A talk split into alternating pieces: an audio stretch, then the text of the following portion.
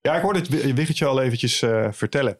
Toen wij hier een paar jaar geleden mee zijn begonnen, hebben we ooit eens een keer een eerste lijstje gemaakt. Ja, Daar stond jij prominent eh, op.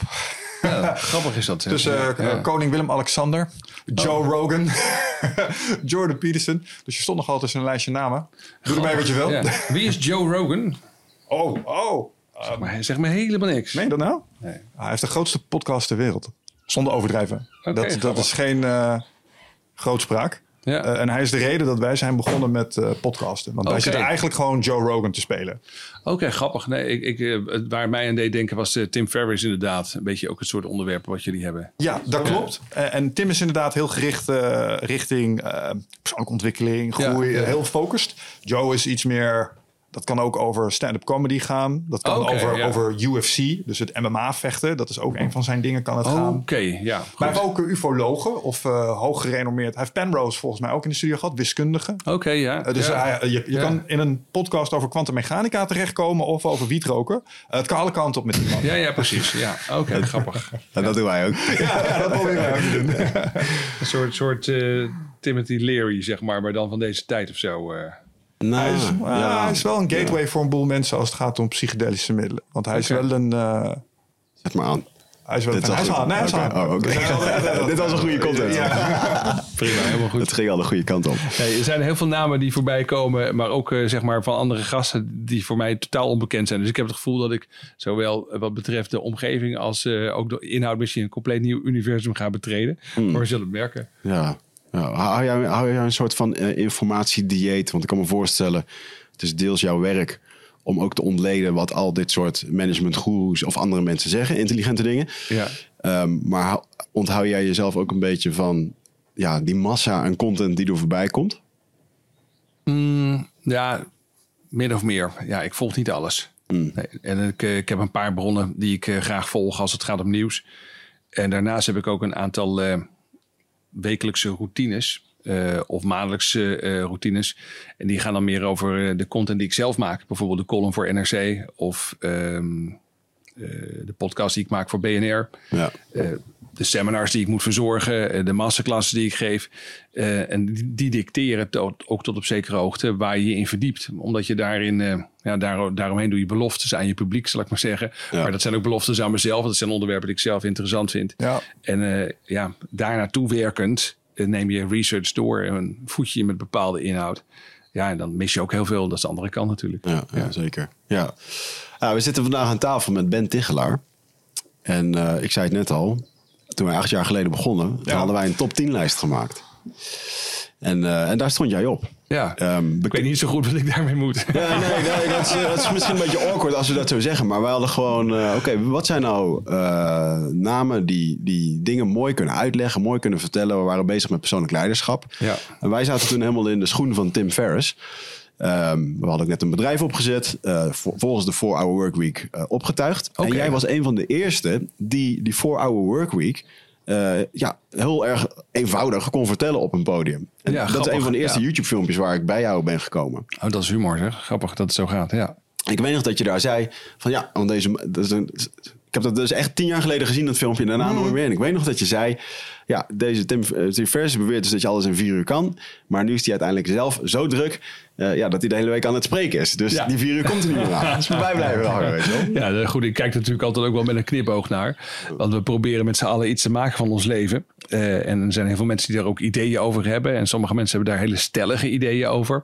En dan is het altijd heel interessant om te kijken of mensen dat ook, ook echt gebruiken. Of het ook lukt om het allemaal toe te passen in hun eigen leven.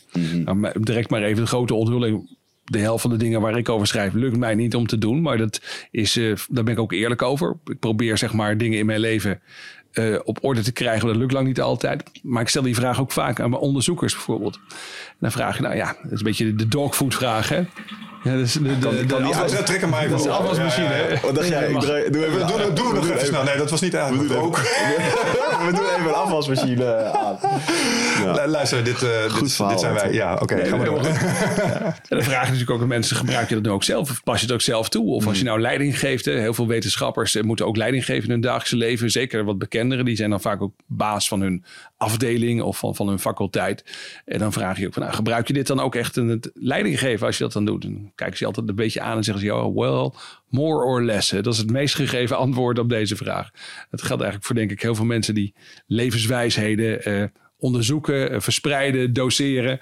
Eh, ja, mensen vinden het best wel moeilijk om dat ook zelf te, toe te passen. Ja. Ja. Verdiep je niet juist in de dingen waar je zelf het meeste behoeftig in bent ook? Ja, ik denk het wel. Ik denk dat zeg maar, als je zeg maar zo'n een zelfhulpboek eh, ziet, of een managementboek, of een ander boek waarin allerlei levenswijsheden worden gedeeld, daar zit natuurlijk heel veel pijn achter. Vaak wel, ja. ja. Het is heel grappig. Mijn vriendin die ging laten wandelen met Pim van Lommel. Dat is die man die een boek heeft geschreven over... Dus de cardioloog die dat boek schreef over eindeloos bewustzijn. Dus heel veel mensen Oh gingen ja, of dood. een bijna doodervaring, Ja, geloof precies. ik. Ja, Ja, ja. super interessante man. En dus hij was een wandeling aan het maken. En toen vroeg hij, wat doet jouw vriend dan? Zei hij, ja, die eh, schrijft ook boeken over persoonlijk leiderschap. Toen was zijn antwoord, oh, dus hij schrijft boeken, boeken voor zichzelf. Ja, ja heel hele goeie. Je schrijft, denk ik, eh, dan denk dat iedere schrijver dat wel doet. Of dat nou zeg maar ook eh, gewoon eh, eh, non-fictie is of non-fictie. Je schrijft natuurlijk in eerste instantie voor jezelf. Omdat je Ja. dingen, dingen op een rijtje wilt krijgen. Waar kwam jouw fascinatie hiermee vandaan? Want als je zegt, die boeken zitten vol pijn. eh, wat was het probleem dat je probeerde op te lossen voor jezelf? Wat ik fascinerend vind is, is toch, toch wel al heel erg lang... vanaf de middelbare schooltijd denk ik... de kloof tussen intentie en, eh, en gedrag. Ja. Mensen die iets willen, die iets interessant vinden... die eh, grote plannen misschien wel hebben... en dan eh, toch vaak blijven hangen in de eerste versnelling... of helemaal niet op gang komen. En ehm, dat zie je om je heen. Dat zie je op die leeftijd al om je heen. Dat zie je bij je ouders. Dat zie je bij familieleden, vrienden. En dat zie je ook bij jezelf. Iedereen heeft bepaalde grenzen die hij eigenlijk niet over durft. Waar zit hem dat in? Eh, dus daar, daar zit een deels. eh, ik vind het ook gewoon interessant om, om te zien hoe dat werkt met groepen. Dat vond ik ook in die tijd erg interessant. Ik was toen erg geïnteresseerd. Maar dan praten we over. Toen was ik eh, 17, 18. Eh, nog iets ervoor, misschien zelfs wel erg geïnteresseerd in reclame en beïnvloeding. Hoe dat werkte. Propaganda ook. Ook, eh, ook interessant. Was, ik weet nog wel dat ik, maar dat, dat was al op de basisschool, fascinatie ook. Hoe, hoe eh, zeg maar dictators eh, eh, grote groepen mensen achter zich aan kunnen krijgen. Hoe, hoe dat kan, hè? Of eh, ook goeroes, eh, zeg maar. Maar dat kwam later. Ja, Ander soort dictator. ja misschien, ja. Eh, En als je kijkt nou naar eh, ehm, die kloof, hè, want je hebt eh, ehm, een van de bekendste producten die je hebt gecreëerd is MBA in een dag. Ja, Ehm, waar, daar kwam ook dat initiële filmpje vandaan. Waar je, ja, het voelt een beetje als een soort eh, mensen presenteren wat alle mogelijkheden zijn. Eh, maar het voelt ook een beetje als aan de boom schudden bij iedereen van ja, luister nou eens, dit, dit kan ook anders voor jezelf. Ja, nou, nou is NBA in één moet ik eerlijk zeggen. ehm, dat heeft natuurlijk een hele wordingsgeschiedenis gehad. Ehm, het is ooit begonnen als een soort afronding van een project. Waarbij ik eh, samenvattingen had gemaakt met een team van mensen. Van allerlei eh, management-ideeën van grote denkers op, eh, op managementgebied. Dus variërend van eh, nou ja, de, de, de marketinggoeroe van die tijd, Philip Kotler, tot de eh, strategiegoeroe uit die tijd, Michael Porter bijvoorbeeld, of Tom, Tom Peters. Dat waren toen echt een beetje de grote namen. We praten twintig jaar geleden. Ehm, en toen die CD-reeks, dat waren tien CD's, afgerond waren, toen hadden we zoiets, we moeten iets, iets doen om het te vieren. We doen een seminar en hadden we nooit gedacht dat dat zo groot zou worden. Het seminar is veel groter geworden dan die audioreeks en die CD-reeks. En dus het, waren, het was eigenlijk een soort samenvatting van de samenvattingen van de belangrijkste management-ideeën. En ehm, ja, dat is niet per se bedoeld zeg maar, voor het verbeteren van je leven. Maar het was, naar, naar ons idee was het, was het iets waar ondernemers gewoon ehm, eh, en leidinggevenden in bedrijven, mensen die beslissingen moeten nemen, ehm, gewoon iets aan hebben. Gewoon kennis die je vaak, eh, die vaak wordt overgeslagen. Dus, eh, vaak, en het is wel heel grappig, eh, ja, goed, een beetje van de hak op de tak, maar vaak lezen mensen een managementboek. En dan zeggen ze na afloop, of ze zijn bij een seminar, zeggen ze na afloop van, eh, nou ja, dat wist ik eigenlijk al. Of ah, dat doe ik eigenlijk al. De grap, ja, dat is een soort, hindsight bias. Hè? Dus als je dan eenmaal iets hebt gelezen, kun je niet meer voorstellen hoe je dacht voordat je het had gelezen. Eh, daar zit een probleem. Als je mensen vooraf vraagt hoe ze over bepaalde onderwerpen denken, zeggen ze vaak iets anders dan wat ze in die boeken kunnen lezen. Dus ehm er zit een soort, soort zelfbedrog bij. En ik, ik, vond dat, ik vond het heel opmerkelijk. Ik heb heel veel ondernemers ook geïnterviewd in mijn leven. Dat was al heel jong tijdens mijn studietijd, eh, veel, in veel gevallen. En eh, je, je merkt gewoon dat er heel veel kennis bestaat. Heel goed onderzoek aan de ene kant. Nou ja, heel veel van die mensen die ik net noemde. Michael Porter, maar ook iemand als eh, eh, eh, Philip Kotler. Dat zijn echt ja, academici. Hebben een fantastisch onderzoek gedaan. hebben dat allemaal nog heel, heel mooi op een rijtje gezet. En heel veel van die kennis komt gewoon niet in de praktijk aan. bij mensen die er heel veel aan zouden hebben. En dat vond ik wel een missie. Dat vond ik wel een, een idee zeg maar, van, goh, kan dat niet op een handige manier bij een grote groep mensen worden gebracht? Dus vandaar ook die Zit jij vaak in je hoofd? Neem je heel veel informatie tot je video's, podcast, boeken? Eh, nou, voel je niet schuldig, dat doen heel veel mensen natuurlijk. Hè, maar vaak zijn we op zoek naar antwoorden. Ehm, gaan we nog meer informatie tot ons nemen. Terwijl ja, de antwoorden liggen toch echt in onszelf. En dat is iets wat we voelen met ons lichaam. Maar vaak zijn we zo erg in ons hoofd bezig ja, dat we dat ook niet meer, dat we daar niet meer echt goed bij kunnen. En dat is graag waar ik je voor uit wil nodigen. Voor Rite of Passage. 24, 25 en 26 mei is er weer een nieuwe editie. Voor mijn retreat voor persoonlijke ontwikkeling. Waarbij het thema echt is om uit het hoofd te komen in dat lichaam. Want dat is waar je alles ervaart. En ik wil dat je gewoon weer in contact komt met, met die, die intuïtie. Ehm, en dan gewoon een heel sterk uh, innerlijk kompas. Dat je gewoon weer weet waar je naartoe moet. Wat je te doen staat. En dat je gewoon weer helderheid hebt over wat je wilt en hoe dat je dat gaat doen. En dat doen we middels uh, bio-energetische oefeningen, dynamische meditaties, een stuk shamanisme zit erin. Het enige wat er bekend is van het programma is dat er een zweethut in zit. Uh, en natuurlijk gewoon hands-on persoonlijk leiderschap. Uh, dit retreat krijgt een 9,2 gemiddelde van meer dan 331 deelnemers. Daar ben ik ontzettend trots op. Sterker nog, er is ook een money back guarantee. Vind je niks na drie dagen, krijg je gewoon je geld terug. Dus het enige risico dat je loopt, is dat je gelukkiger wordt. Klinkt dit als iets voor jou en durf je het aan? Dan zie ik je op Ride of Passage. Ga naar wichertmeerman.nl en klik op Retreat. Audio-cd's, die samenvattingen. En daar komt dan weer zo'n seminar uit voort. Wat was de vraag ook alweer? Nou ja, dat het dus voor mij overkwam als de NBA in een dag van aan de boom schudden bij mensen. Dat het ook een soort van wakker schudt van ja, wat we eigenlijk nu aan het doen zijn, is helemaal niet handig. Oh, dus het ja. is ook een soort spiegel ja. naar mensen toe, toch? Nou ja, dat natuurlijk wel. Ja, mensen komen natuurlijk wel bij zo'n seminar en hebben vaak een bepaalde vraag of bepaalde dingen waarvan ze denken, ja, hoe pak je dat nou eigenlijk aan? Ja. Um, en dan komen misschien ook wel tot de ontdekking dat bepaalde dingen slimmer kunnen. Ja, dat geloof ik zeker wel. Mm. Ja, zeker. ja, dat heb ik zeker ook als ik zoiets doseer. Dan, uh, dan lees dat ik dat allemaal weer op een rijtje, zeg maar, als ik zo'n seminar voorbereid. En dan denk ik ook van, poeh, ik kan echt een hele hoop dingen nog beter doen in mijn bedrijf of in mijn, uh, in mijn leven. Ja. ja. Want hoe ziet, je, hoe ziet jouw bedrijf er nu op dit moment uit? Heel simpel. Het bestaat gewoon vooral uit mij met een aantal assistenten. Hmm. En dat is eigenlijk al jaren zo. Ja. En ik werk voor um, uh, dingen die zeg maar wat meer uh, reach moeten hebben. Of die wat groter zijn. werk ik samen met andere partijen. En, en liefst met partijen die heel goed zijn in wat ze doen. Dus ik werk bijvoorbeeld al, nou, ik denk bijna 25 jaar met denkproducties samen. Als het gaat om de evenementen die ik doe. Um, we hebben je pooier hier in de studio gehad. Oh, wie is dat? Uh, Hans. Hans ja, uh, nee, Remco Klaassen noemt hem zijn pooier. Ja, ja precies. Remco heeft een iets ander vocabulaire dan ik. Dat klopt. Ja, ja, Daar moet hij nog een beetje aan werken. Maar dat komt wel goed hoor. Hij is op weg. Ja. ja, voor een man die boeken over verbaal meesterschap uitbrengt, gaat het best goed met hem, denk ik. Ja, nee. Remco is een hele goede gast. Ja. Leuk. Ja. Um, Hans ook trouwens. Hans werkt alleen heel lang mee samen inderdaad. En uh, als je het hebt over hoe ziet dat bedrijf eruit, dan werk ik verder inderdaad samen. Uh, ja, ben ik heel blij met NRC, maar ook met BNR. Het is heel fijn om daarmee samen te werken. Dat zijn, um, ja, dat zijn dan weer iets meer bedrijven. Um, Hans Jansen is natuurlijk is ongeveer denkproducties. Ja. En dat is wel heel fijn. Dat ja. we al gewoon zo lang zo goed met elkaar kunnen samenwerken. Wel echt waanzinnig wat die neer heeft gezet in de afgelopen jaren.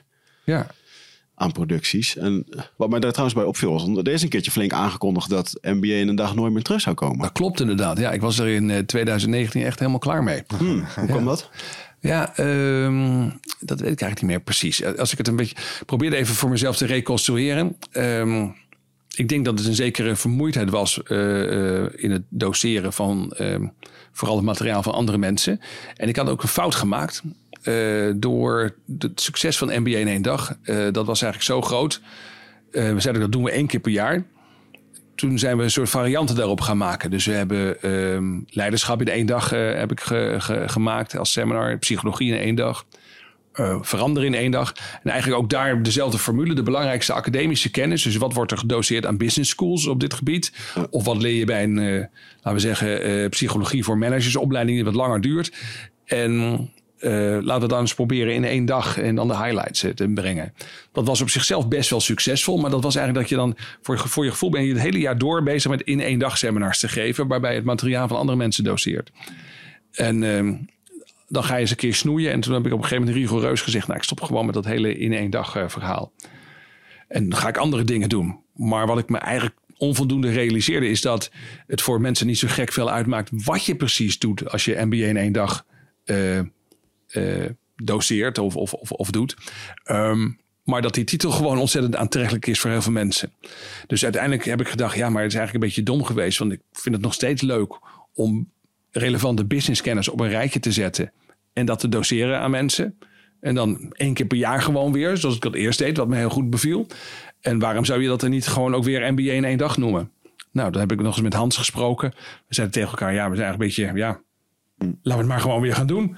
En dat hebben we het afgelopen jaar gedaan. Dat was het voorjaar 2023 hebben we het eh, voor het eerst weer georganiseerd. Ja, de zaal zat helemaal vol. Dus het is gewoon een hele goede titel. En ehm, ja, dat, soms dan verzin je iets en dan hoop je dat je... Dan denk je, ah, dat is een hele goede titel. Maar als ik deze titel kan verzinnen, kan ik vast ook wel heel veel betere titels... of nog, nog meer hele goede titels verzinnen. Is niet gelukt. Nee. nee. ja, gewoon ja, als je gewoon de inhoud kan aanpassen naar wat jij leuk vindt om te doen. Ja, en nou uiteindelijk wel. Ik heb, ik heb eigenlijk de belofte eerlijk gezegd nog wat verder aangescherpt. Want het waren eerst vooral uh, de grote denkers die we samenvatten. En nu ben ik echt gaan kijken uh, met een team van mensen. Van wat, wat, wordt er nou op de grote business schools uh, gedoseerd? We hebben echt die programma's binnenste buiten gekeerd. Allerlei materiaal ook opgevraagd. Gekeken naar de literatuurlijsten. En op basis daarvan een nieuw programma gemaakt. Ja, dat is eigenlijk hartstikke leuk. Dat is eigenlijk nog, nog meer NBA in één dag. Zoals de titel eigenlijk. Uh, of de, de, de titel dekt nu eigenlijk de lading beter nog dan uh, tien jaar geleden bijvoorbeeld. Ja, want ik las laatst een, uh, er was laatst een mevrouw volgens mij. Die doet allemaal cases qua marketing voor Nike, voor Disney. Ja. Was ook in Amsterdam. Dan denk ik, wauw man. Ja, dat soort dingen worden ook gegeven op dat soort scholen natuurlijk. Weet je. Er zijn superveel gastleraren. dus het, een MBA is niet meer zo stoffig. Nee. Als dat het van origine werd gepresenteerd, denk ik. Ja, nou, het zijn altijd al veel. Er werden altijd al veel case studies gepresenteerd. En je, bent, je zit ook in een soort pressure cooker met een groep mensen. Je moet ja. uh, dingen voorbereiden. Ik heb uh, zelf nooit een MBA gedaan. Maar ik heb wel heel veel mensen gesproken die een MBA hebben gedaan. En ook gevraagd naar hun ervaringen. En wat ze, wat ze daar uh, echt goed aan vonden. Met name dat je op een avond, toch in korte tijd. Uh, bijvoorbeeld de avond voor een college samen met een groep mensen iets moet voorbereiden. En dan echt creatief moet denken over hoe gaan we dit aanpakken? Hoe kan je dit probleem oplossen? Dat is natuurlijk ontzettend leerzaam. Ja. Goed, maar dat gaat over heel andere dingen volgens ja, mij. Dat maakt nee. Okay, ja, perfect. Maar laten we het misschien eens hebben over um, uh, het soort mensen of niet het soort mensen, de reden waarom mensen naar dergelijke trainingen komen. Ik bedoel, uh, ja. dat was tien jaar geleden al uh, populair. We hebben Emiel Ratelband hier ook gehad. Uh, de, die, deed dat nog eerder misschien wel. Het zijn wel heel andere trainingen. Nee, ik begrijp in, ik. Maar... Inhoudelijk totaal niet vergelijken. Wat hij, ik bedoel, ik heb veel respect voor hoe hij, um, nou ja, laat ik zeggen, veel respect voor Emiel Ratelband. Mm. Ik heb hem nooit ontmoet. Um, maar dat soort persoonlijke ontwikkelingsseminars op basis van NLP zijn totaal niet te vergelijken met management seminars die gaan over evidence-based materiaal. Nee. Dat wil ik gewoon echt even onderstrepen. Want die vergelijking vind ik echt, uh, nou ja, weet je, het, ja, er zijn wel meer plekken waar iemand op een podium verhaal houdt. Maar dan kan je niet helemaal met elkaar vergelijken. Nee, maar het, uh, waar het me om ging is dat er mensen, dat mensen al heel lang geïnteresseerd zijn in oplossingen aangereikt krijgen voor het voor de kloof waar je het er straks over had. Ja, dus, ja, okay. dus, dus de disconnect tussen ja. intentie en gedrag. Ja. En uh, misschien staan ze soms aan de verkeerde deurbel te bellen. Dat kan ik met je eens zijn. Ja, nou, maar daar gaat de NBA in één dag ook niet per se over. Hè? Dus ook dat, even dat weer dan, dan even misschien zuiver neerzetten. Uh, mijn grote fascinatie met, uh, met, met als het gaat over menselijk gedrag, waar ik mijn eigen boeken over schrijf, mijn eigen content. Mm. Dus boeken als De Ladder of ook oudere boeken als Dromen Durven Doen. Die boeken uh, gaan over de kloof tussen intentie en gedrag. En over gedragsverandering en alles wat rond ja, beïnvloeding en gedragsmanagement mm. te maken, uh, daarmee te maken heeft. MBA in één dag gaat heel duidelijk over businesskennis, over managementkennis. En uh, beide gebieden vind ik interessant. En ik mm. schrijf ook over beide gebieden.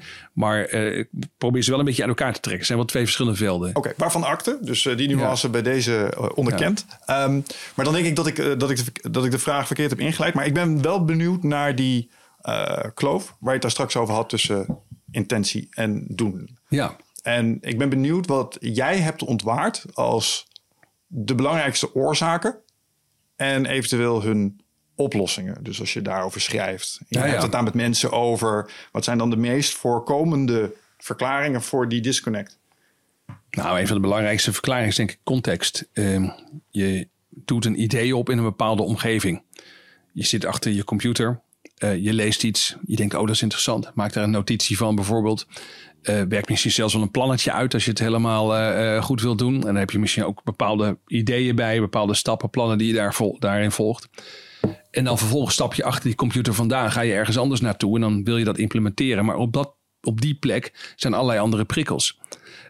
Andere mensen, dus sociale prikkels, maar ook fysieke prikkels. Bijvoorbeeld de tijd die je tot je beschikking hebt, of allerlei cues vanaf je telefoon of wat er op je afkomt. Hm.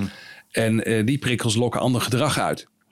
Dus dan ben je al vrij snel, vergeet je ook gewoon domweg je voornemen. En denk je er pas weer aan als je bijvoorbeeld weer thuis komt en je ziet je computer staan en dan denk je er weer aan.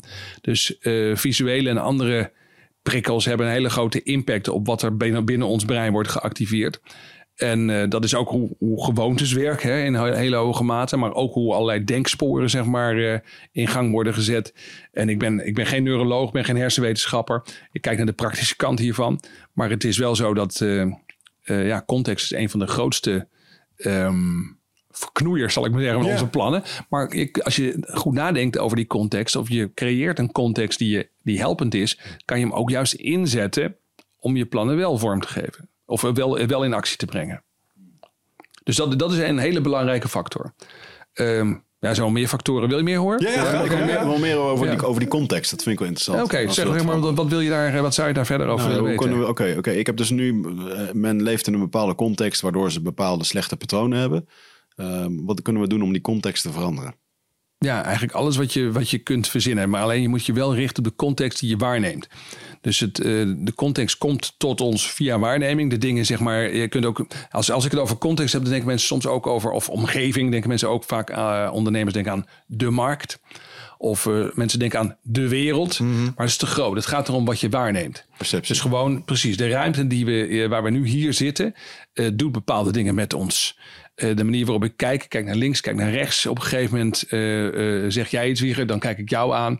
Dan zegt Michel iets en kijk ik jouw kant op. Nou, die manier, weet je wel. Zo word je dus voortdurend, word je aandacht, maar ook je gedrag wordt gestuurd door prikkels die op je afkomen. Dat kunnen kleine dingen zijn, dat kunnen grote dingen zijn. Als ehm, je bepaald gedrag hebt bedacht waarvan je denkt, ah, dat zou goed voor me zijn. Dus je moet het sowieso al, als je een bepaald doel hebt, moet je het vertalen naar heel concreet gedrag die concrete handelingen, in welke context moeten die plaatsvinden? Hoe ziet die context eruit? Wat zijn dingen die je daar zouden kunnen afleiden? Wat, zijn dingen, wat zouden dingen zijn die je kunt tweaken in die omgeving die je juist op het rechte spoor houden? Hm. Dan kun je denken aan reminders. Uh, dus gewoon uh, visuele reminders. Uh, een briefje waar iets op staat wat je niet moet vergeten. Een checklist. Checklijsten zijn echt fantastisch als het om wat complexere gedragingen gaat. Uh, maar het kan ook zijn dat je bijvoorbeeld met mensen met wie je samenwerkt iets afspreekt. Dus dat zij jou aan zaken herinneren. En misschien gebruiken zij dan wel weer een checklist voor. Dat kan ook. Hè? Mm -hmm. Dus is niet voor niks dat heel veel mensen die graag willen sporten en dat ook echt willen volhouden, dat die tegenwoordig een personal trainer uh, inhuren. Want dat, uh, ja, die meldt zich bij jouw deur. En dan kan je niet zeggen, joh, ga weg. Nee, want ja, je hebt het, uh, nou ja, laat ik zo zeggen, dat zou je kunnen doen, maar de meeste mensen doen dat niet. Want dat is ja. weer een bepaalde drempel die je dan over moet. Ja. Ik ben personal trainer geweest en ik zei altijd: mensen okay. huren mij niet voor mijn sportkennis, maar ik ben een aanwezigheidsverplichting. Ja, je bent aanwezigheidsverplichting. Ja. zeker. Ja, ja, het, bedoelde, uh, ja, het zou de manier zijn om te zorgen dat mensen hun sportschoolabonnement ook gingen gebruiken. Ja. Dan hoef je alleen maar een personal trainer te hebben. Die haalt je thuis op en die levert je bij de sportschool af. En die zegt daarna veel succes. dat zou, dat zou uh, een soort minimale service kunnen zijn misschien die je biedt dan. Ja, ja tegelijkertijd denk ik ook als, als, het, als het al nodig is om je in je huis te komen ophalen om naar de sportschool te gaan. Wil je, dan, wil je het dan wel echt? Ja, nou ja, nee, natuurlijk. Heel veel dingen willen we niet echt. Maar dat komt omdat uh, wij willen heel veel dingen tegelijk altijd. Kijk, heel veel denken, mensen denken bij het begrip motivatie. Denken ze aan iets eendimensionaals. Denken ze, je bent wel of niet gemotiveerd. En met motivatie hebben we dan een bepaald beeld, zeg maar, dat iemand dan iets wil dat jij belangrijk vindt. Dus jij vindt iets belangrijk. Iemand anders vindt dat niet belangrijk. Dan is die persoon is niet gemotiveerd. Ja, mhm. die is niet gemotiveerd voor dat ene ding wat jij relevant vindt. Maar die persoon is, uh, heeft allerlei motieven. Die heeft allerlei drijfveren om allerlei ander gedrag misschien te vertonen. En bovendien hebben we uh, allemaal ook meerdere drijfveren tegelijkertijd. Ja, het is een beetje een flauw voorbeeld misschien, maar mensen willen wel allemaal graag een, een, een echte betekenisvolle relatie als het even kan. Dat is, dat is fijn. Ja. Je echt diep in de ogen kijken, met je uh, vrienden of vriendinnen over uh, existentiële dingen spreken. Maar je wilt ook alles zien wat er op Netflix is. Oh, Oeh, ja, toen viel er iets om. Ja, um, nou, niet een soort Zo, dat was het. Dat punt is gemaakt. punt is gemaakt, precies. Ja. Voor de mensen die zich afvroegen, er viel hier een, een lamp om. Niks dus, Oké, gelukkig. Ja.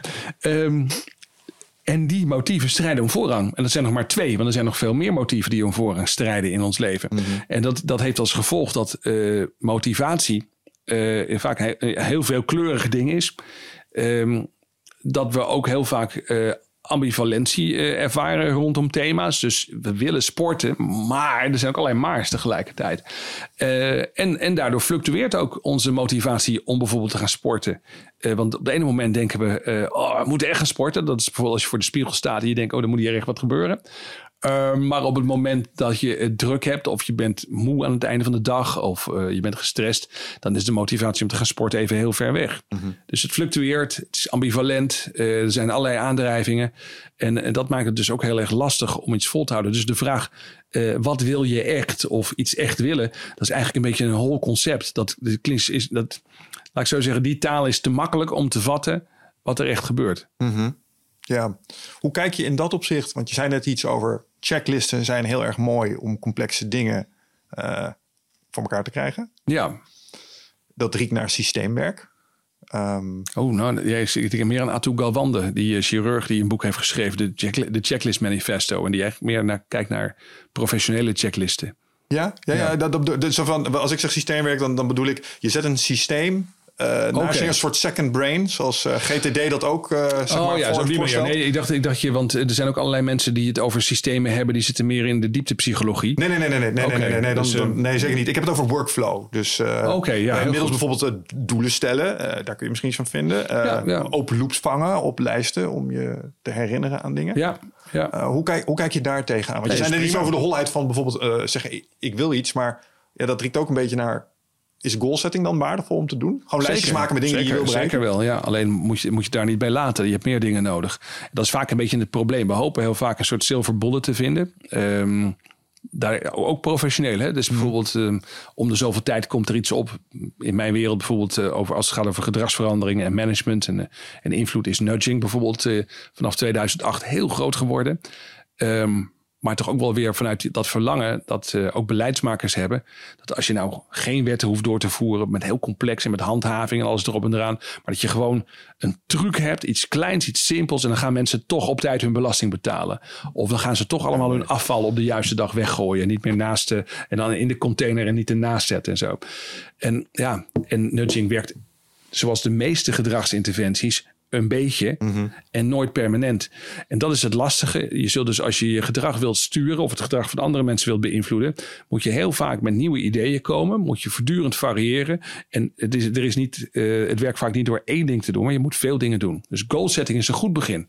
Uh, goal setting. Maar goed, we waren bezig wat belemmerd mensen. We, maar willen, we willen eerst, ik ben een beetje, ik hou van structuur. Hè? Willen we eerst de belemmeringen afmaken of willen we al een beetje naar de oplossingen gaan? Dat kan nou, ook, laten we nog even verder gaan op de belemmeringen. Ja. Als je er meer hebt, uh, want ja, nou, er zijn er, zijn er vast meer. Er zijn, ja, er zijn heel veel belemmeringen. En, en, op motivationeel gebied bijvoorbeeld, waar we het net over hadden, uh, speelt, speelt, wat een belangrijke rol speelt, is, is loss aversion, verliesaversie. Um, ons brein is erg opgericht om uh, ja, te houden wat we hebben. Dat gaat niet alleen maar over materiële zaken. Misschien dat het daar ooit in het begin vooral om ging, maar dat gaat ook over sociale en psychologische zaken. Dus bijvoorbeeld status willen we graag behouden. Hè, dat je een bepaalde, nou ja, uh, ingebeelde of, of uh, uh, andere positie hebt uh, in een groep.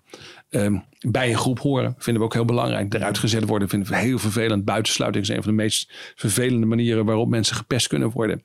Um, dus uh, die, en, en het probleem is bij veel veranderingen verlies je ook iets. Je verliest iets van zekerheden, maar je verliest misschien ook wel vrienden.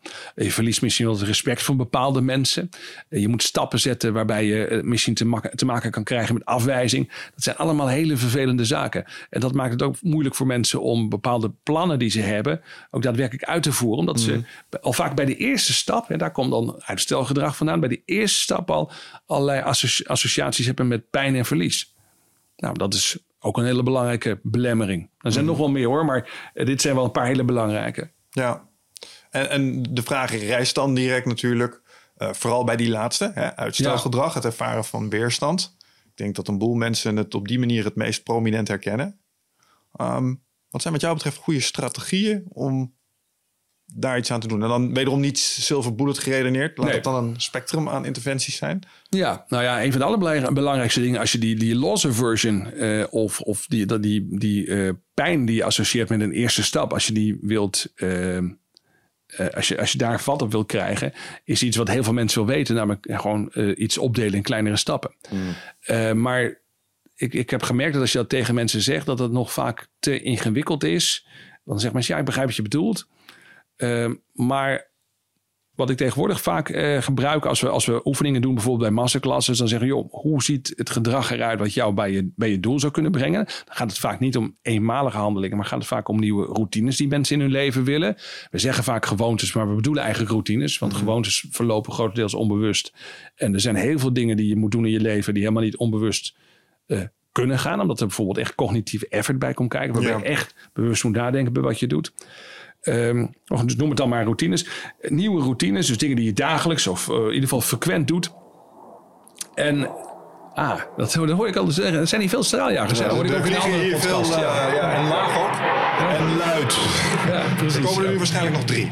Oh, meen je dat? Ze komen altijd in groepjes. Ze, komen hier, ze vliegen hier vaak informatie over. Oh ja. Laatst kwam hier een, eh, een gevechtshelikopter overvliegen op tennisbalhoogte. Die had ik misschien wel met een steen kunnen raken. Ja, dat is indrukwekkend. Oh, wauw.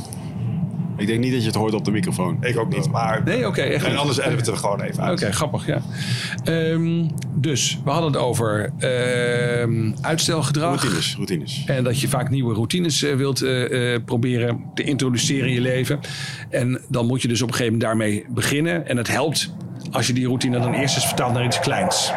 Dus wat je kunt doen, is echt wel hard.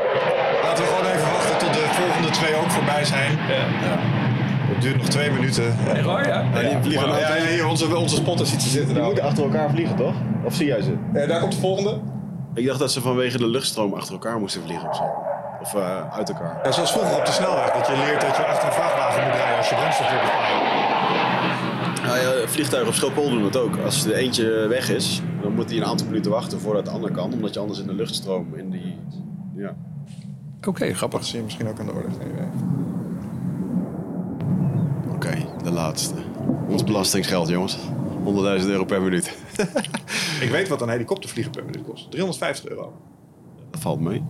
Per minuut. Dat vind ik al meevallen voor zo'n oké. apparaat. Een helikopter vliegen, de hele Ja. helikopter, alles erop Ik heb en personal training gegeven aan een mevrouw die bezig was met helikopterlessen. En die zei, Oké. naast de kosten van de instructeur ben je ook gewoon de kosten per minuut vliegen kwijt. Ja, dat is ja. ongeveer 350 euro per Maar minuut. dat is gewoon van een leuke helikopter waar wij van hond naar her kunnen. Maar niet van een militair apparaat. Dat, Dat zal hoger liggen, verwacht ik. Ja, ja, daar gaat meer doorheen. Oké, ik denk dat het, eh, de rust is wedergekeerd. Naar de routines. Terug naar de routines. Even kijken, dat zou dan met... Ik heb ooit een keer een dag een helikopter gehuurd. Maar dat was echt geen eh 350 euro per minuut. Ja, dat, was, eh, dat was wat die mevrouw vertelde. Ik ben er altijd onder de indruk van geweest. Maar aan de andere Ja. kant kan ik me ook voorstellen dat zo'n ding zuipt als een malle natuurlijk. Als een vriend van mij een vliegtuig huurt of in Lelystad, dan kost dat hem volgens mij 400 euro. En de benzine moet hij zelf betalen. Dan kun je volgens mij twee uur vliegen. Ja. Dus Maar je hebt een keer een helikopter gehuurd voor een dag. Ja. Wat ging je doen? Ja, eh, ik had, ik had eh, jaren geleden, toen deed ik nog wel eens meerdere, meer dan één lezing op een dag. En eh, ja, we, zijn, we gaan nu gewoon weer verder met Ja, ik vind het vandaag nu je, moet, je, moet, je, moet een beetje, je moet ook een beetje wennen aan onze structuur. En dat is ook een structuur. Ik bewaak hem, maar eh, komt goed. Nee, we gaan helikopter doen we zo. Ik parkeer hem eventjes, die helikopter twee tellen. En dan gaan we nog eventjes dat punt afmaken. Want daar waren we aan begonnen voordat de vliegtuigen overkwamen. eh, over wat je kunt doen om uiteindelijk die kleine stappen te definiëren. En waarom is het nou zo belangrijk? Die, waarom zijn die, zijn die sta- kleine stappen zo belangrijk? Dat, dat is een van de beste manieren om uitstelgedrag eigenlijk eh, te voorkomen. Ehm, je moet zulke kleine stappen ehm, maken, bedenken, designen. Dat je denkt, nou ja, dat is simpel. Dat kan ik nu wel even doen. Of dat, dat, dat, dat lukt sowieso wel op mijn dag. Of ja, dat, is, daar heb ik ook helemaal geen negatieve associatie mee. Want dat zijn zulke kleine stappen. En het grappige is, dat heeft ook heel erg... eh, nou, even lang verhaal kort.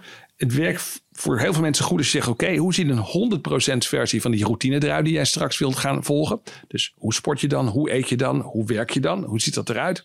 En eh verzin nou eens hoe een 50% versie eruit zou zien. Ah, ja. Of een 10% versie. Of een 1% versie. Voor mij, voor, ja, voor, voor, voor- nou ja, kies maar.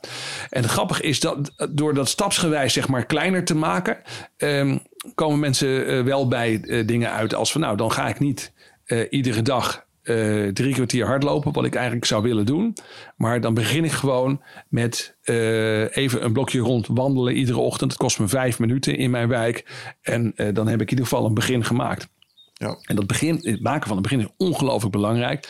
Want op het moment dat je die vijf minuten hebt gelopen, en dat was ook je doel voor die ochtend, dan uh, krijg je daar ook een soort natuurlijke beloning uh, uh, van. Je hebt een doel gesteld, je haalde je komt weer thuis en gelukt.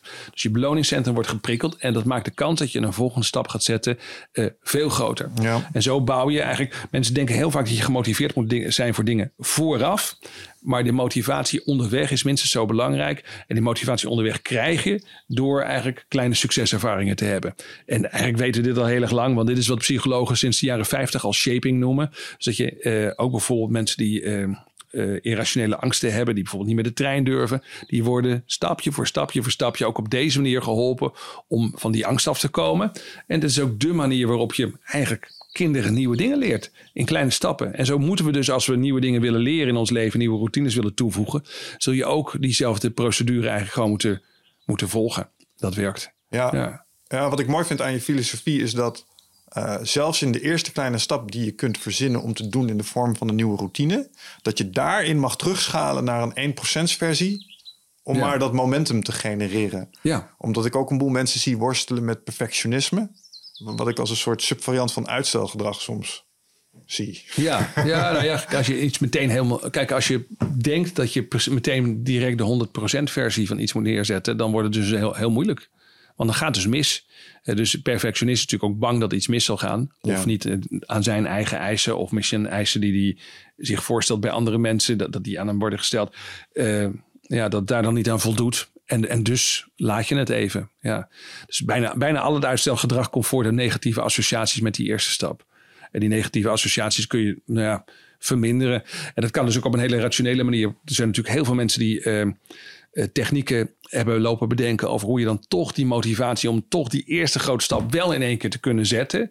En op het moment dat dan zeg maar je angst ook volledig irrationeel was en het is eigenlijk iets heel eenvoudigs, is dat ook prima. Hè? Dan, dan heb je een truc en dan push je jezelf en dan zet je die stap en het werkt. En dan denk je wauw. En dan zou je in principe toch in plaats van naar een 1% versie, ga je misschien meteen naar een 50% versie. Ja. Nou, good for you als het werkt. Mm Want er zijn natuurlijk ontzettend veel dingen in het leven die je echt moet leren. Waarbij je als je in één keer naar een 50% versie van het beoogde gedrag wilt, dat gaat je gewoon niet lukken. Denk aan autorijden. Denk aan uh, wiskunde. Denk aan piano spelen. Honderden dingen waar je echt gewoon een soort leerpad voor moet uh, volgen. Ja. En uh, daarbij werken al die methodes uh, met vormen van zelfprogrammeren of jezelf ergens doorheen duwen werken voor geen meter.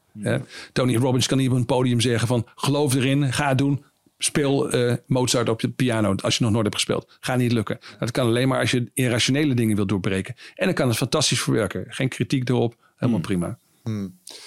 Ja, en dat leunt ook een klein beetje aan. Want je zegt nu een aantal keer, je moet jezelf de leercurve gunnen. Ja. Uh, een, een spanningsveld wat ik ook zie is behoefte aan gisterresultaat.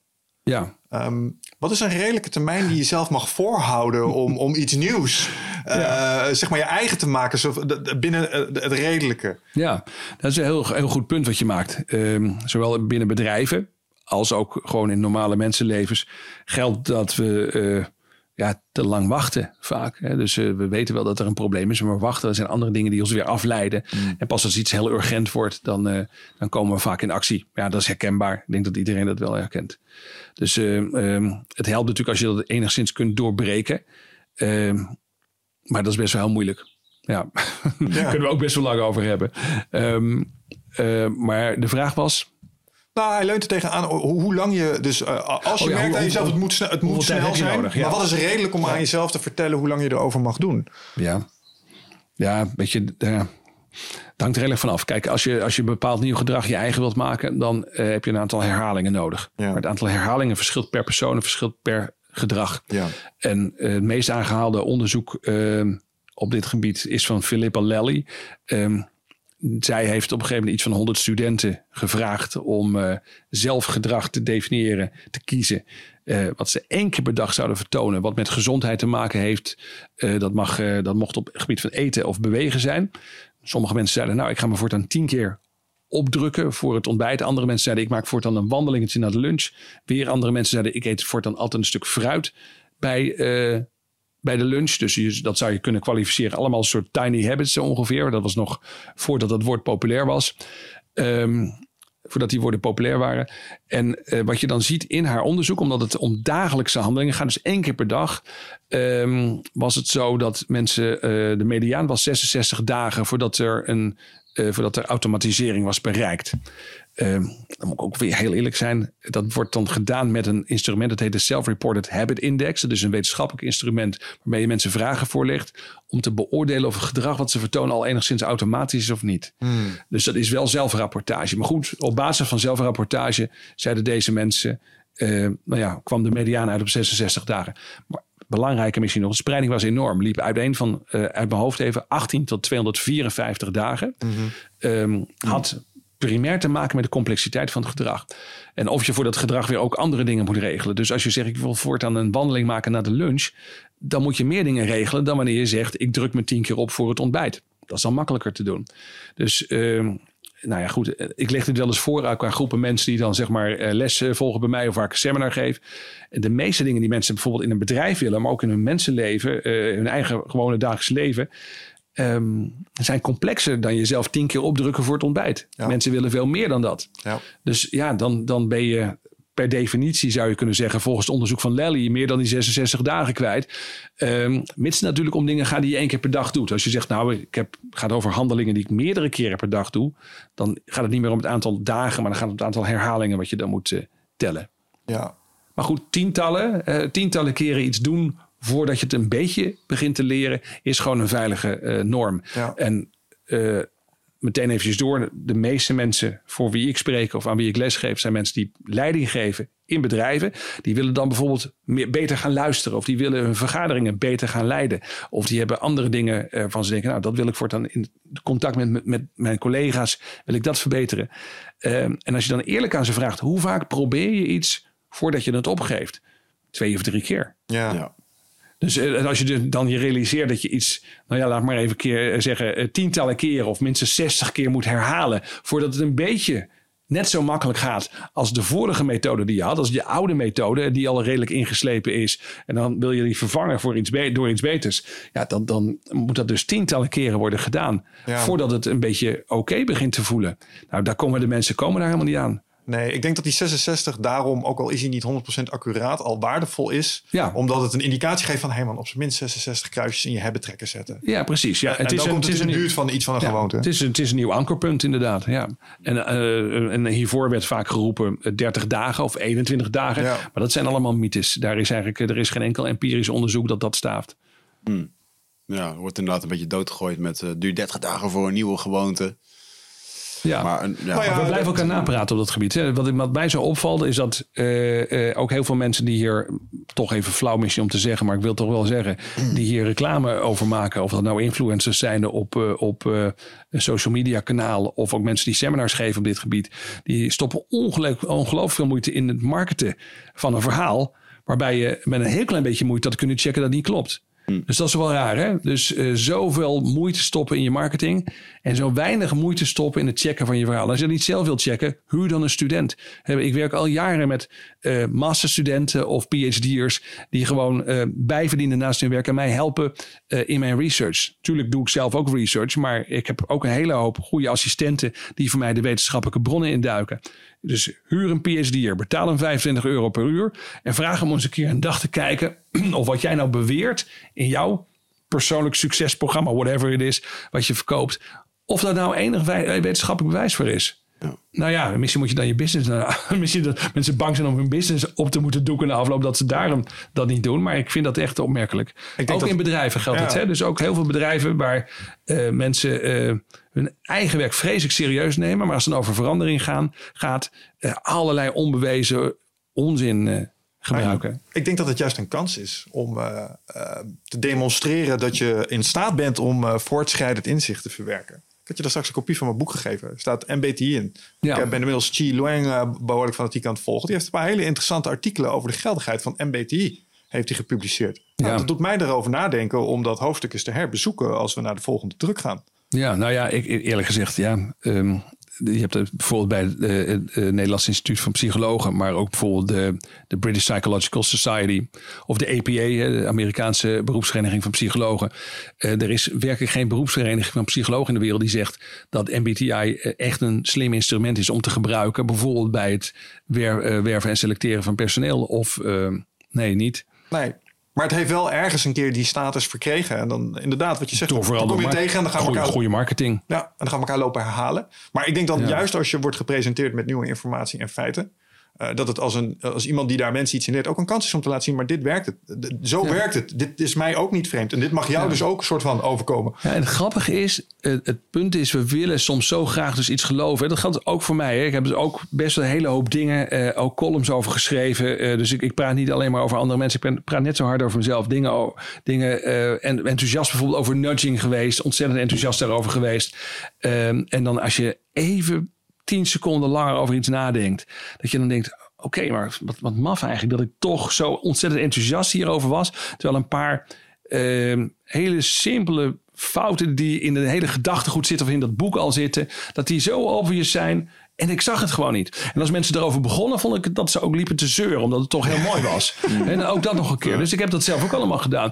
Maar bijvoorbeeld als je het hebt over MBTI en al die kleurentestjes. Het grappige is dat als je aan een gemiddelde Nederlander vraagt met een klein beetje educatie van joh, ehm, als ik jullie allemaal zou gaan meten, jullie lengte. Of ik zou allemaal een, uh, een waarde toekennen aan jullie haarkleur. Uh, hoe ziet de grafiek er dan uit die ik uh, vervolgens ga tekenen? En zegt vrijwel iedereen in het publiek die zegt, ja, normaalverdeling. De meeste mensen zitten vlakbij het gemiddelde. En er zijn een paar mensen die zitten uh, heel erg onder het gemiddelde. En mensen die zitten heel erg boven het gemiddelde. Maar je krijgt zo'n belcurve. Ja. Zo'n zo, mooie, ik, ik, nou ja, goed. Hè? Doe even voor de camera, zo.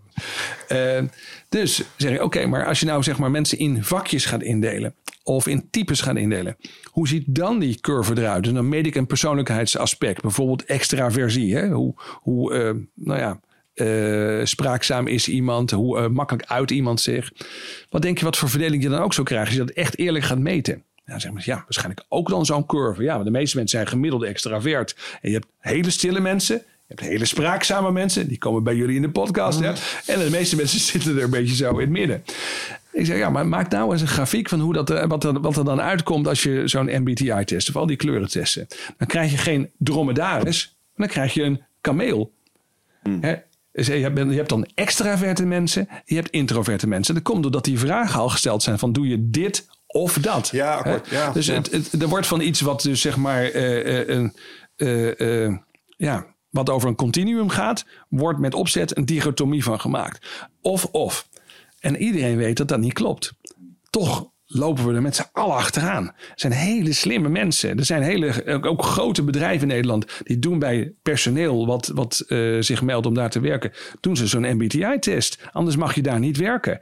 Maar uh, iedere psycholoog die naar kijkt, die gruwt daarvan. Die zegt, joh, maar dit is, al, dit is, dit is brugklasniveau psychologie waar we over praten. Hmm. Dit is een onzin. Dit is een kermistest. Hoe gek kun je zijn? En dan alle andere dingen in het bedrijf zijn dan wel evidence-based. Nou, dat is dan iets waar ik krijg mijn hoofd niet omheen. Mm, ja, interesting. En wat vind je van het argument? Ja, maar het is wel een goede om je denkproces in gang te zetten. Ja, goh, weet je, een, lamp die omvalt kan je denkproces ook in gang zetten. Why bother? Waarom? Nee, Hoeft niet zo'n dure test te wordt, zijn. En er wordt veel meer waarde aan gehecht.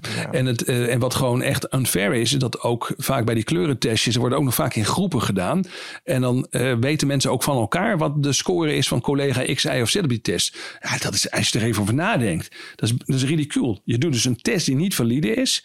En dan geef je zonder dat je dat hebt gevalideerd met de persoon zelf, geef je de uitslag en de collega's weten hem ook. En dus gebeurt het in bedrijven dat mensen zeggen, ja, maar weet je nog, we hebben toen die dag gedaan met z'n allen, jij was blauw en daarom doe jij zo. Dit heb ik exact zien gebeuren en ik heb me schuldig gemaakt aan dit, aan dit gedachtepatroon. Want dat is lekker makkelijk, hè? Oh ja, dat is meer, meer is een blauwe. Dus uh, als ja. ik op deze manier met gemoed reed, gaat niet werken. Ik moet het zo doen. Ja. Dus het is nog vies Machiavelliaans ook als je er wat langer over nadenkt. Nou ja, je kunt makkelijk, mensen heel makkelijk wegzetten. Want je, de, die mensen zijn blauw, dus die zien niet het hele plaatje. Hè? En wat jij dus wel ziet, want jij bent geel of wat, wat voor idiote kleur. Rood. Rood, groen, whatever you are. Ja. ja, maar jij ziet het anders. En, en, en jij overziet ook meer, want zij kunnen alleen maar in hun eigen kleur denken. Ja, en, ja. en wat het ook doet is gedrag versterken. Want uh, ik ben een grote fan geweest van die 16 personalities test. Okay. Die, die druk je ook nog eens uh, binnen een bepaald profiel in een hokje. Je kan een uh, commander zijn of een protagonist of een En dat heeft dan een aantal eigenschappen. Ja. En die kun je dan ook lekker vinden om te hebben van ja, maar ik ben een commander, dus ik ben altijd super lompe recht door zee. En dat uh, pleit mij vrij van diplomatie. Oh, ja, weet ja, je wel? precies. Krijg je lekker, dat soort lekker gedrag. authentiek. Ja, ja, ja. ja, ja. ja, ja, een authentieke hork. Ja. Ja. ja, dat is heel grappig. En het grappige is ook als je dan naar die typologieën kijkt, er is nooit zeg maar type sukkel. Ja. dat heb je dan niet. Ja, ja, ja. Nee, dat zijn altijd, dat zijn altijd een beetje horoscoopachtige teksten uh, waar iedereen zich wel een beetje snel bij kan voelen. Ja, Mooi. Ja. Maar goed, leuk. Vind ik een interessant onderwerp. Ik heb ooit zelf een keer een gesprek gehad op dit gebied met uh, Patrick Vermeeren. Dat is een uh, bekende mythbuster uit, op dit gebied, op HR-gebied met name, uit, uit Vlaanderen. ja, die, is, die heeft dit allemaal van voor tot achter onderzocht. Ik heb een paar van de bronnen die hij toen heeft aangereikt ook eens bekeken. En ik, ik viel echt van mijn stoel op hoeveel ideeën waar we dus ook wel echt in geloven, ook in die HR-wereld en die Ja. managementwereld, Ja. eigenlijk nergens op gebaseerd zijn. Ja.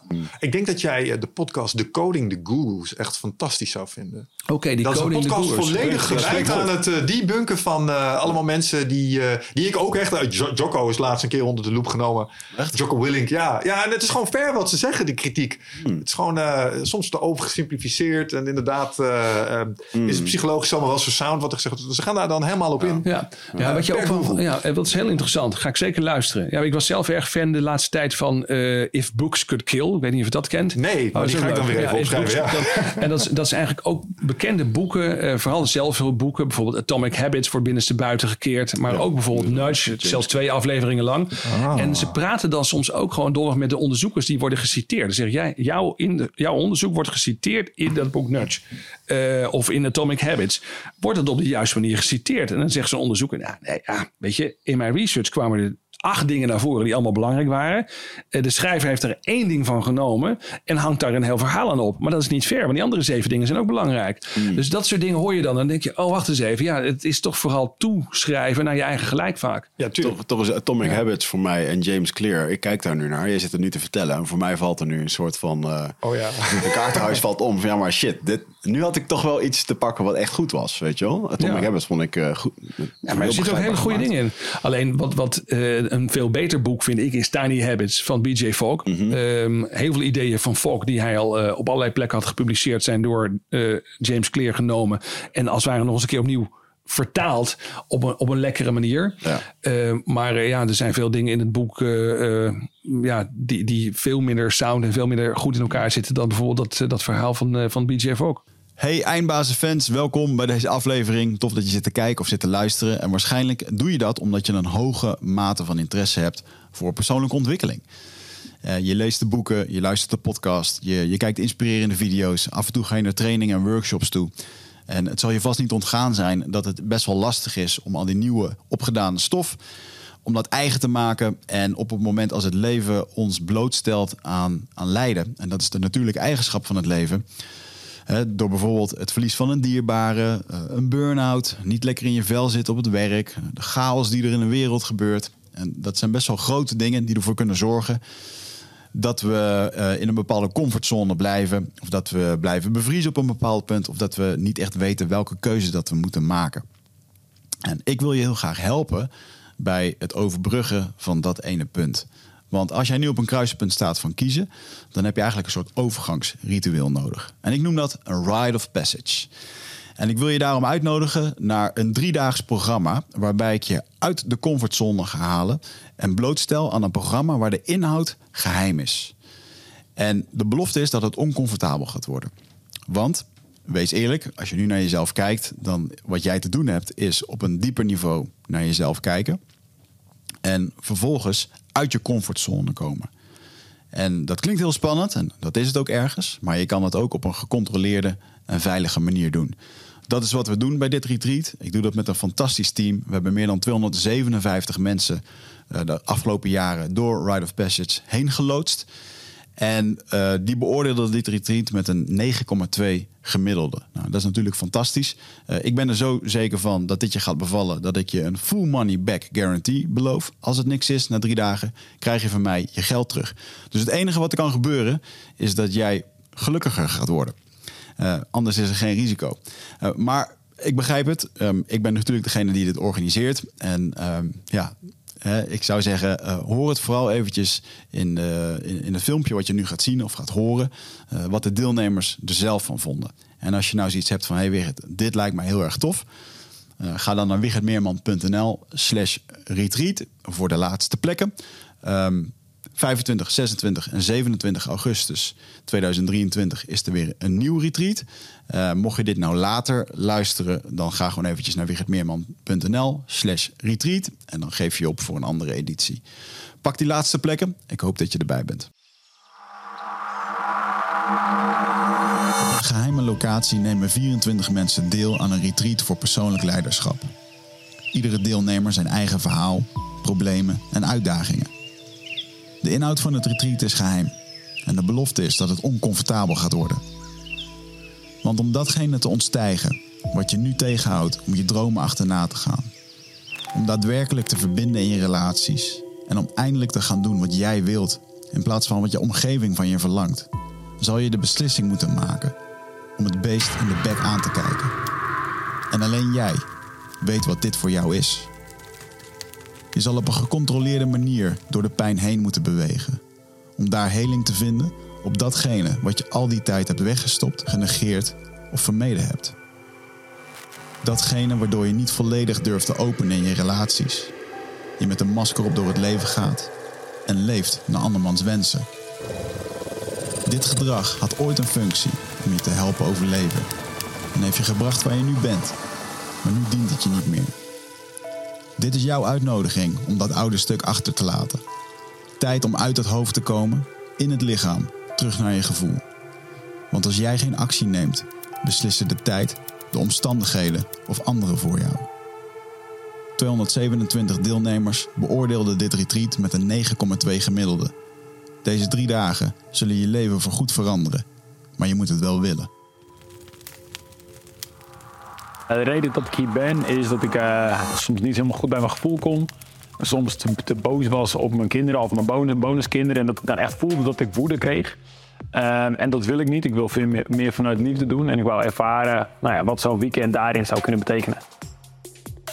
Ik zoek heling omdat ik merk dat in mijn lichaam wel wat dingen opgeslagen zitten die bevrijd willen worden.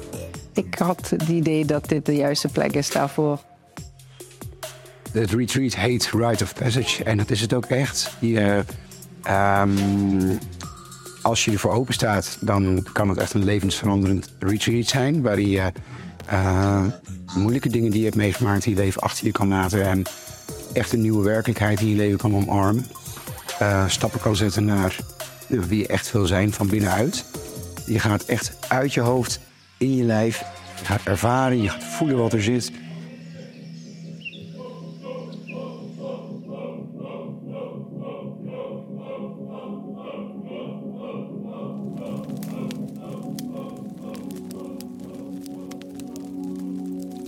Ik heb het weekend als uh, ja, heel bijzonder ervaren eigenlijk. Uh, totaal anders dan verwacht. ja, ik had niet echt een verwachting, maar je hebt toch een beetje een idee van hoe het zou zijn. Ja, het was, het was heel gaaf. Heel bijzonder. Uh, een van de dingen waar ik uh, regelmatig aanloop is dat ik niet vaak genoeg uh, nee zeg. En te veel dingen ja zeg dus. En een van de oefeningen die, uh, die bevorderen eigenlijk om uh, vaker nee te zeggen en ook durven af en toe ja te zeggen en daar gewoon volledig in te staan. Terwijl ik daar soms eens over twijfel wat ik uh, daarin moet doen. Dat voelde heel sterk. wat ik in zijn algemeenheid kan zeggen is dat het kwijtraken van een stuk negatieve energie, het toe-eigenen van mooie nieuwe perspectieven, dat in alle oefeningen terugkwam. Uh, wat ik de meest bijzondere oefening heb gevonden was de afsluitende uh, oefening vandaag. Waarbij we um, ja, eigenlijk meditatie deden. Uh, waarin je heel diep naar binnen keert. en waarin je echt contact maakt met je, met je zijn met wie je bent. En, en daarin heb ik hele mooie ontdekkingen gedaan. Ja, het is lastig uit te leggen, want er gebeurt best wel wat in zo'n weekend. Um, ja, maar baseline is eigenlijk, ik kan het gewoon iedereen aanraden. Ik denk dat eigenlijk uh, het retreat voor bijna wel iedereen uh, geschikt zou kunnen zijn. ja, het viel me op dat in de groep heel veel verschillende mensen eigenlijk waren. Ja, ook een hele hoop mensen die ik hier eigenlijk misschien helemaal niet had verwacht. Maar dat die toch wel meeging in, uh, ja, door waarop de retreat in elkaar zit. Dat het toch wel voor iedereen wel werkt. Dat je er langzaam eigenlijk doorheen gaat. Uh, ik heb hier zeker twijfels over gehad. Ik vroeg me af of het iets voor mij was en wat ik hieruit ging halen. En uh, daar was ik niet helemaal zeker van. Uh, maar achteraf vind ik het 100% waard en ben ik super blij dat ik, er, dat ik het heb gedaan. En daar heb ik heel veel uitgehaald. Ja, ik heb bij het aanmelden heel veel twijfel gehad. ik heb echt zitten boven van mijn laptop gezeten. Zal ik wel, zal ik niet? Zal ik wel, zal ik niet? Uiteindelijk heb ik mezelf min of meer gedwongen om stap te zetten. En hoe meteen betaald, zodat het uh, vet accompli was. Ik vond het spannend. En uh, ook er naartoe levend vond ik het spannend. Maar uiteindelijk uh, had ik echt zin in, ging ik er in en wilde ik ervoor gaan. En ik ben heel blij dat ik het gedaan heb. Ja, iedereen die, verdeelt, die deelt eigenlijk zijn verhaal. Ja, je, je kunt ook weer heel veel halen uit de verhalen wat de anderen eigenlijk vertellen. en het is deels is het heel mooi dat je het in zo'n grote groep kan delen eigenlijk ja, wat er in jou omgaat. je voelt je heel erg gehoord eigenlijk. En dat vind ik het mooi wel aan zo'n grote groep. Ik vind het nog steeds bizar. En je komt vrijdagmiddag met, uh, met 24 onbekende mensen. En uh, nu twee dagen later zitten we elkaar om te knuffelen. En loop je in je hondenbroek zeg maar, door het gebouw. En ben je echt vrienden geworden. En, en weet je superveel van elkaar. Tegelijkertijd bij de, bij de meditaties, bij de geleide dingen heb ik echt scheid aan wat andere mensen van me denken. En denk ik ook niet aan, aan andere mensen. En ben ik echt met mezelf bezig. Dus die combinatie vind ik echt wel heel mooi. Zo'n weekend met mensen, maar toch ook weer je eigen proces.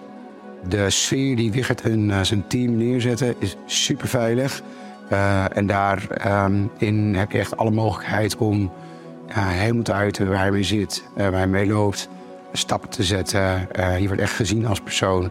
En ja, meegenomen door een heel bijzonder proces.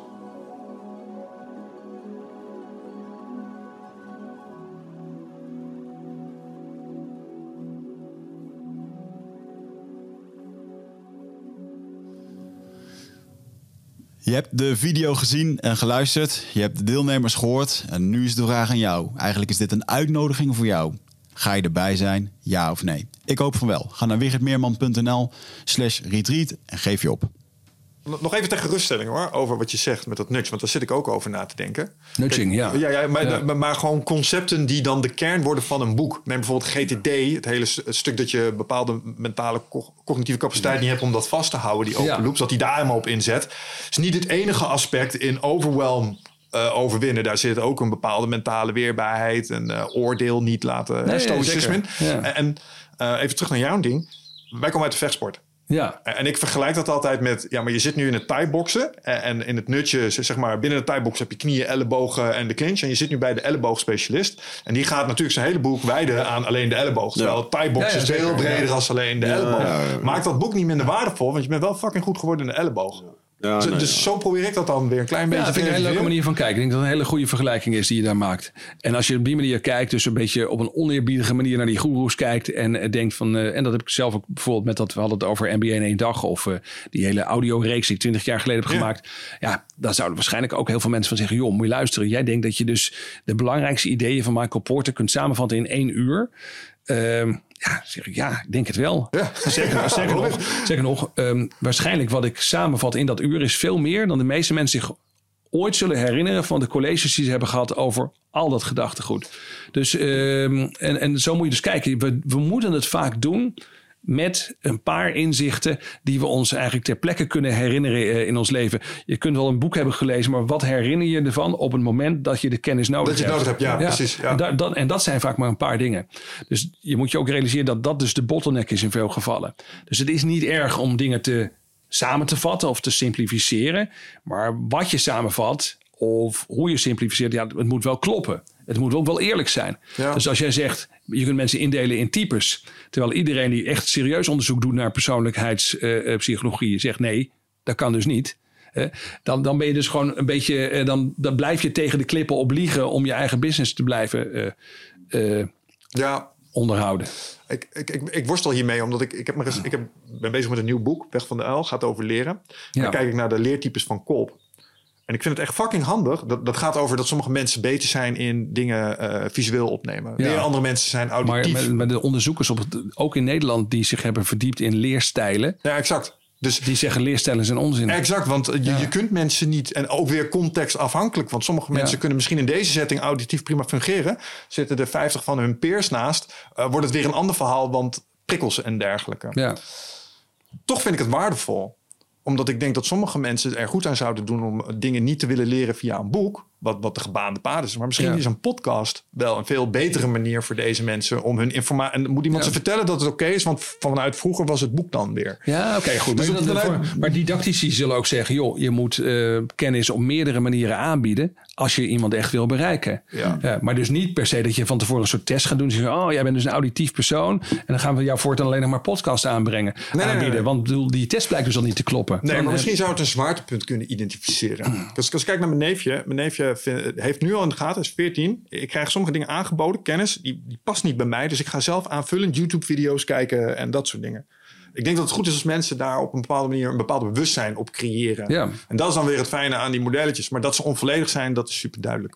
Ja, maar goed, audiovisueel in, eh, in korte tijd iets tot je nemen... is iets wat heel veel mensen wel aanspreekt. Want anders Ja. zouden YouTube-video's niet zo Ja, populair, dat is waarom ze niet zo nee, dat populair is zijn geworden. Waarom Zaak en Crash Course zo ongelooflijk Ja, populair precies. zijn. Ja. Wat ik nog afvroeg hè, over die eh, cd-reeks die je hebt uitgebracht. 20 jaar geleden zei je? ja, zoiets, ja. Stel je voor, je zou deze weer uitbrengen als een podcast, deze cd's. Nee, Hoe geldig ze- is de inhoud dan nog Ja, in het huidige landschap? Ze staan op Spotify nog steeds. Oké. Eh, eh, ja, eh, ik, ik denk dat er heel veel ideeën eerlijk gezegd helemaal niet zo snel veranderen. Nee, hè? Nee. Dus het, als je nou kijkt bijvoorbeeld... we hadden het over Michael Porter een paar keer. Die heeft het over strategie, ondernemingsstrategie. Die zegt er zijn een paar basisstrategieën. Je kunt costleader zijn. Dat breng je, dan, dan bied je dus dingen aan tegen de laagste prijs. En dat doe je door alles in je business zo goedkoop mogelijk te doen. En zo efficiënt mogelijk. Ja. zien we nog steeds. eh, de Aldi, de Lidl enzovoort. Cost leadership is nog steeds een goede strategie. Eh, maar het probleem met cost leadership is dat het is makkelijk voor mensen te- om te zien of je werkelijk de goedkoopste bent of niet. En er kunnen er in, in een markt maar, eh, ja, maar een paar zijn die eigenlijk dat claimen. En dat is dan vaak een beetje stuivertje wisselen. En die zijn waarschijnlijk even goedkoop. Dus heb je, daarnaast heb je een differentiatiestrategie. En dat je, dat je verzint dat je echt anders bent. Dat je product bijvoorbeeld echt anders is. Andere vormgeving, andere functies. Ehm, ja, dan moet je wel voortdurend blijven innoveren. Dus je producten worden ook duurder. Je zult meer in research and development moeten investeren.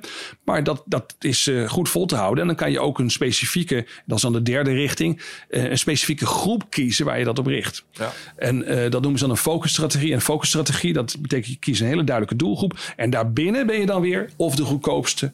Of je biedt een ja, ja, kun specifiek product aan. Nou, dat is, ehm, ik denk dat als je gaat nadenken als ondernemer, maar ook als ZZP'er, over ehm, misschien ook wel gewoon als je in loonisch ergens wilt eh, solliciteren. Eh, als je gaat nadenken over jouw strategie, dat het gewoon heel goed is om gewoon zo eens te beginnen. Van ben ik degene die alles het goedkoopste doet? Nee. Nou, maar dan moet ik dus wel, aan de andere kant, dan moet ik dus wel differentiëren. Of ik moet me differentiëren en ook nog op een specifieke doelgroep richten. En dan kan ik ook een hogere prijs vragen. Want Dan als zeg, wel duurst, ja. Ik wou net zeggen, dat is de manier om het duurst te zijn. ja, ja, het om het ook echt waar Voor een hele specifieke doelgroep doe jij iets wat alleen jij kunt doen. Ja, dat is wel, eh, dan, dan kan je een hogere prijs vragen. Als je zegt, joh, ik kan alles eh, voor iedereen, eh, ja, dan moet, je, dan moet je wel goedkoop zijn. Ja. Iets wat ik niet wil vergeten te vragen, wat me nu te binnen schiet, omdat je het had over. eh, Nou, Even nog trouwens, eh, dus zijn die ideeën nog geldig? Veel van die ideeën zijn Ja, nog geldig. was het antwoord, Want zijn ja. basale ideeën. Ja, exact. Jij moet iets niet vergeten. Wat was nee. dat? Nou, ehm, omdat ik denk dat eh, bedrijven die nu op kosten sturen aan de vooravond staan van een zeer interessante ontwikkeling.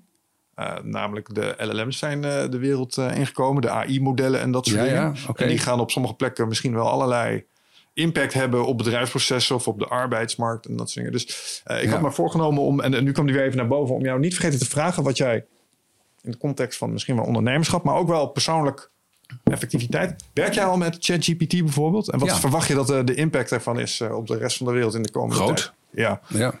Wat doe groot. jij mee? Ehm, ik gebruik ChatGPT, dat is wel grappig, ehm, om teksten in te korten. Eh, om Engelse teksten die ik schrijf op spelling en grammatica te controleren of soms smoother te maken. Ja, ja, ja. Ehm, de zinnetjes korter te maken, lekkerder en, en dat soort zaken. Dus ik gebruik het vaak op een soort eh, eh, achteraf manier, als een soort Ja. eind- als een eindredacteur. Als een editor, ja, ja, als een ja. eindredacteur, ja. Dat is voor mij in mijn werk is dat een hele leuke manier om het te gebruiken. En ik moet eerlijk zeggen, ik eh, check ook nog eens een keertje. Dan heb ik aan de ene kant de research van, van mijn assistenten gekregen. En dan vraag ik ook ChatGPT nog even wat, wat er over een bepaald onderwerp bekend is. En moet ik wel zeggen, daar schiet het dan wel vaak tekort. Hij hallucineert dingen bij elkaar. Nou ja, maar ook de toegang tot wetenschappelijke databases is waarschijnlijk niet groot genoeg. Ik, ik weet er niet genoeg van hoor. Maar ik, ik zie in ieder geval dat eh, belangrijke eh, actuele wetenschappelijke eh, rode draden, zal ik maar zeggen, Ja. in de research. Wat er uit meta-analyses komt bijvoorbeeld. Dat krijg ik niet van ChatGPT terug. Krijg je, gebruik je al plugins? Heb je, heb je een premium account en gebruik je de beta features? Nee, dat soort dingen gebruik ik Ah, Oké, want je Nee. kunt hem Ik tegenwoordig... ben een hele, hele simpele Ah, eh, gebruiker wat dat Ah, betreft. Dus ik wil het wel graag eh, weten hoe het werkt. En ik eh, heb dan op een gegeven moment een paar functies van ik ook van andere collega's hoor van nou, dat, daar is het eigenlijk wel heel handig voor. Eh, maar ik ben geen, noem je dat, geen pro-user Nee, nee, nee. nee. Nou, Om dit beter te doen, wat je zojuist omschreven, om hem ook daadwerkelijk onderzoeken te kunnen laten valideren. Hij kan nu twee dingen. Hij kan hele pdf's lezen. Ja, oké, dus dat je, voert, je voert ja. hem een pdf en die kun je bevragen. Oh, dat is handig. Ja, en hij heeft tegenwoordig eh, browser features, eh, waarmee je gewoon een webpagina kan laten lezen. En dan kan hij dus een hele pagina kan hij gewoon inladen, tot zoveel tokens als die heeft. Maar die pdf doorlezen werkt het allerbeste daarin. Ja, ja. En ik heb nog een toffe prompt voor je waar ik aan moest denken, want ik gebruik hem ook als editor. Lees de volgende tekst, beoordeel hem eh, inhoudelijk en schrijfkundig. Geef hem een schrijver op een schaal van 1 tot 10 en vertel me wat ik moet doen om een 10 te halen. Oké. En dan krijg je eh, een bulleted list met allerlei verbeteringen eh, binnen je huidige tekst. Oh, deze zinnen rammelen. Je, bent, eh, Leuk. je hebt geen voorbeelden. Dus daar kun je dan misschien ook nog iets mee. Jij dan? Hoe, hoe zit jij met eh, ChatGPT? Ja, hetzelfde. Dingen vertalen. Ik heb laatst ehm, voor mijn, eh, dat vond ik heel leuk, voor mijn retreats, er komen 24 mensen per keer. Ik verzamel dan allemaal ideeën. Waarom kom je hier? Wat zijn je dromen? Waar loop je tegenaan? Wat heb je eerder geprobeerd? Eh, wat denk je dat je zelf moet doen om te doen? Ja, ja. En dan krijg je allemaal van die losse vlodder antwoorden. En dat is best wel lastig om voor mij om dat eh, te, te kwalificeren. Ehm, of daar een soort van rapportage van te maken. En nu heb ik gewoon al die lijntjes eh, Excel, die heb ik daarin gegooid. Ik zeg, joh, dit is wat zoveel mensen Ja. zeggen. Kan je een samenvatting maken van een top 10 en dan op een soort van categoriebevorming. Geniaal. En, ik- en er kwam echt, nou, voor de, ook voor de marketing, voor de boodschap vertellen, kwam er gewoon kristalhelder uit waarom mensen daar komen, wat hun behoeftes zijn en Ja. waar ze mee zitten. Ja, ja. En, eh, en dat gaf mij ook heel veel duidelijkheid. Ja, dat is dus op de juiste weg of dat niet. Ehm, en ik probeer het ook, ehm, probeer er steeds meer vragen aan te stellen. Dus oké, ik wil dit voor mijn business uitwerken. Ja. Ehm, ik wil graag dat je mij twintig vragen stelt, zodat je beter kan inleven over hoe en wat. Eh, en dan moet ik die vragen invullen en dan vervolgens rammelt hij dat uit. Ja, Ik zit op het zes proces. Hij maakt mijn merkidentiteit. Bizar. Heb je laatst in twee uur gedaan. Ik heb bij een ander bedrijf heb ik zo'n proces doorlopen met een marketingclub. Ja. Dat kostte 16k. Dat ging twee weken doorheen en ik kreeg exact hetzelfde er ongeveer uit. Ik weet nu hoe zo'n ehm, brand identity eruit ziet. Ja. Dus GPT gaf het me in twee uur voor aanzienlijk minder dan 16k. Dus eh, Ja, ja, ja, ja. Ik geloof wel dat er, ik ben wel echt gevoelig voor de human touch. Dus eh, ik vind voor dit soort dingen vind ik het leuk. Maar ik geloof wel voor zo'n brandingboek. Ja, daar wil ik dan wel met mensen over kunnen kletsen. En dat die mij horen. En daar vind ik het dan nog wel te beperkt in. Ja, ik kan, me- kan me ook wel voorstellen dat wat jij net hebt gedaan, dat je eh, ChatGPT zijn werk laat doen. En dat je dan met een goede, goed eh, groepje vrienden eens even goed gaat bespreken. En eens gaat kijken ja. of er dan nog wat meer human touch in kan. Ja, zeker. Ja. Ja. ja, daar zijn de En, oplossingen voor. ehm, Leuk. ja, ja. Nou, dat zijn goede ideeën, mensen. Dankjewel. Ja, nou graag gedaan. En, en ik ben wel heel benieuwd naar jouw eh, voorspelling. Ehm, als het gaat om. Want kijk, ik volg een boel podcast. Ik moet een beetje oppassen dat ik, eh, waar jij misschien heel over enthousiast in het nudging hebt gezeten, loop Ja. ik het risico om een AI-bro te worden. Die denkt Oh, dat ja. dit de singularity gaat aantrappen en eh, de wereld binnen vijf Wauw, ja, jaar op zijn kop staat. Misschien is dat wel zo.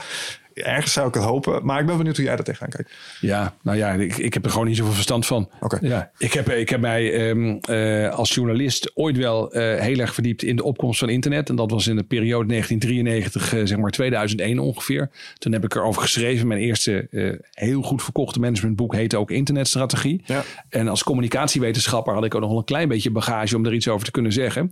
Eh, alleen binnen dat vakgebied van communicatiewetenschap heb ik me eigenlijk veel meer gericht op menselijk gedrag en gedragsverandering. Dat was eigenlijk mijn grote eh, passie.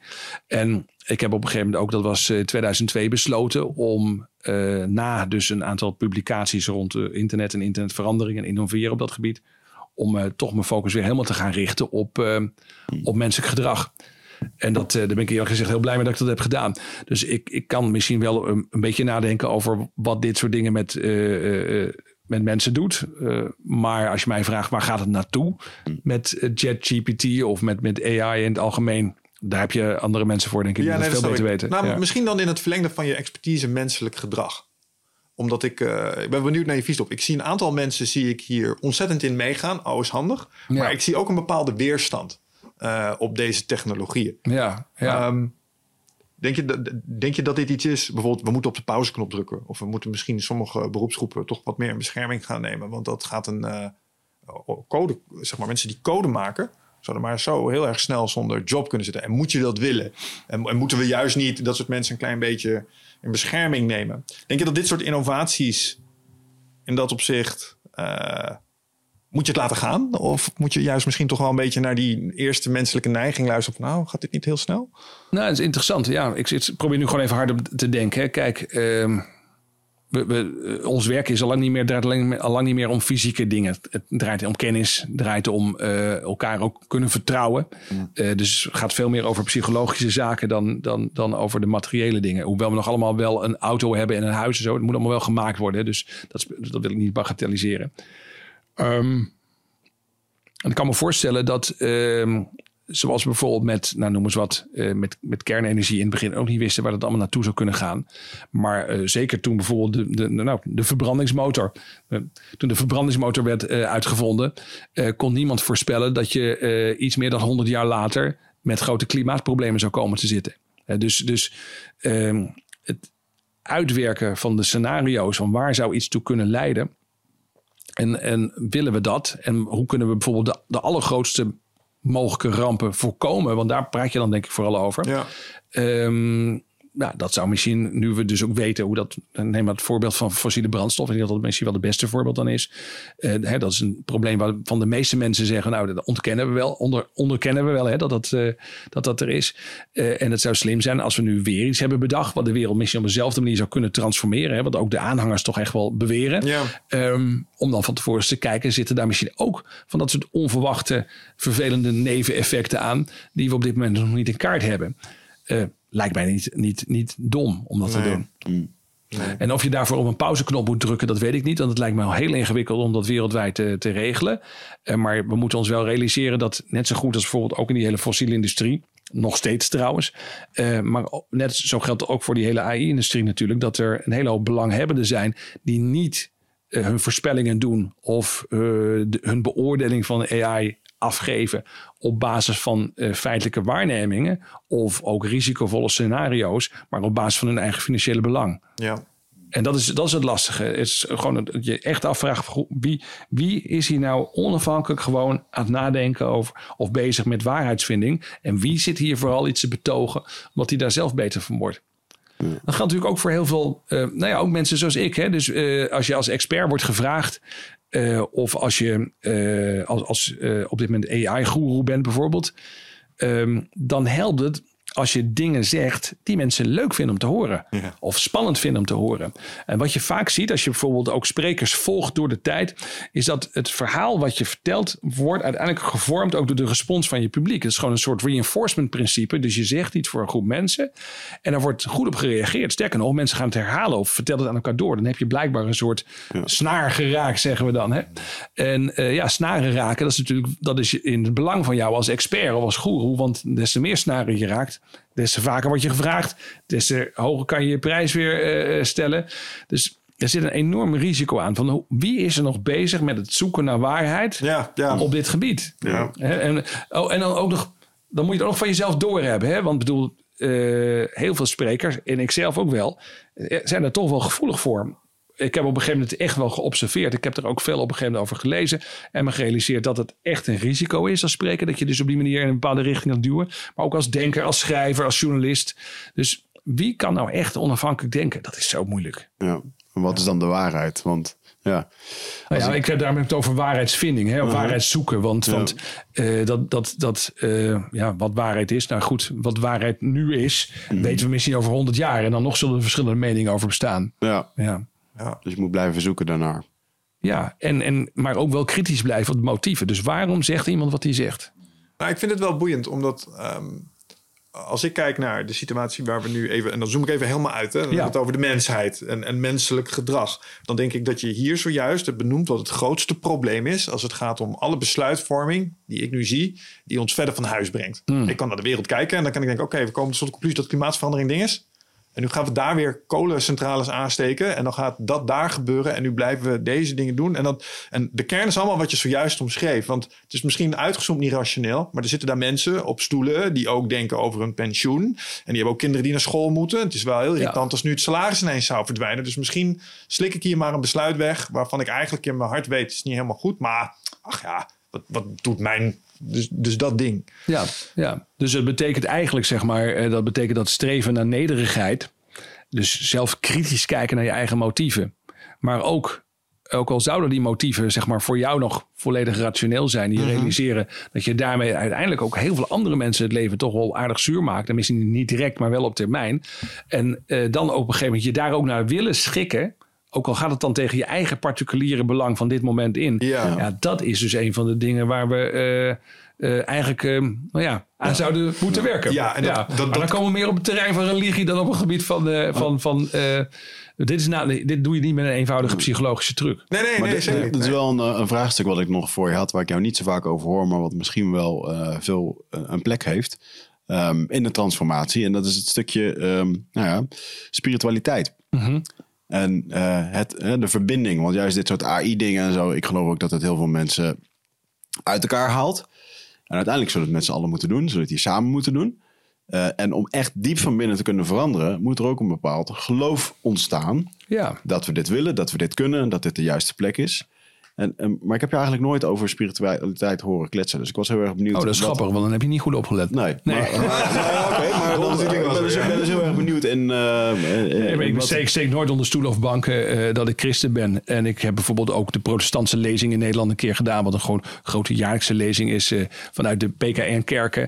Ehm, ik ben, staat zelfs op mijn Wikipedia-pagina geloof ik, heeft iemand opgeschreven dat ik regelmatig ook voorga in kerkdiensten. Eh, Dus ja, dat, eh, ik steek dat niet onder stoelen of banken. Ehm, maar ik ben wel, sta wel heel open ook naar andersdenkenden misschien. Ik probeer wel op een gegeven moment eh, ook als het even kan wel te luisteren naar wat anderen nou eigenlijk echt geloven in hun leven. Want dat is een van de grote problemen natuurlijk is van het christelijk geloof, is dat het zo ontzettend geïnstitutionaliseerd is.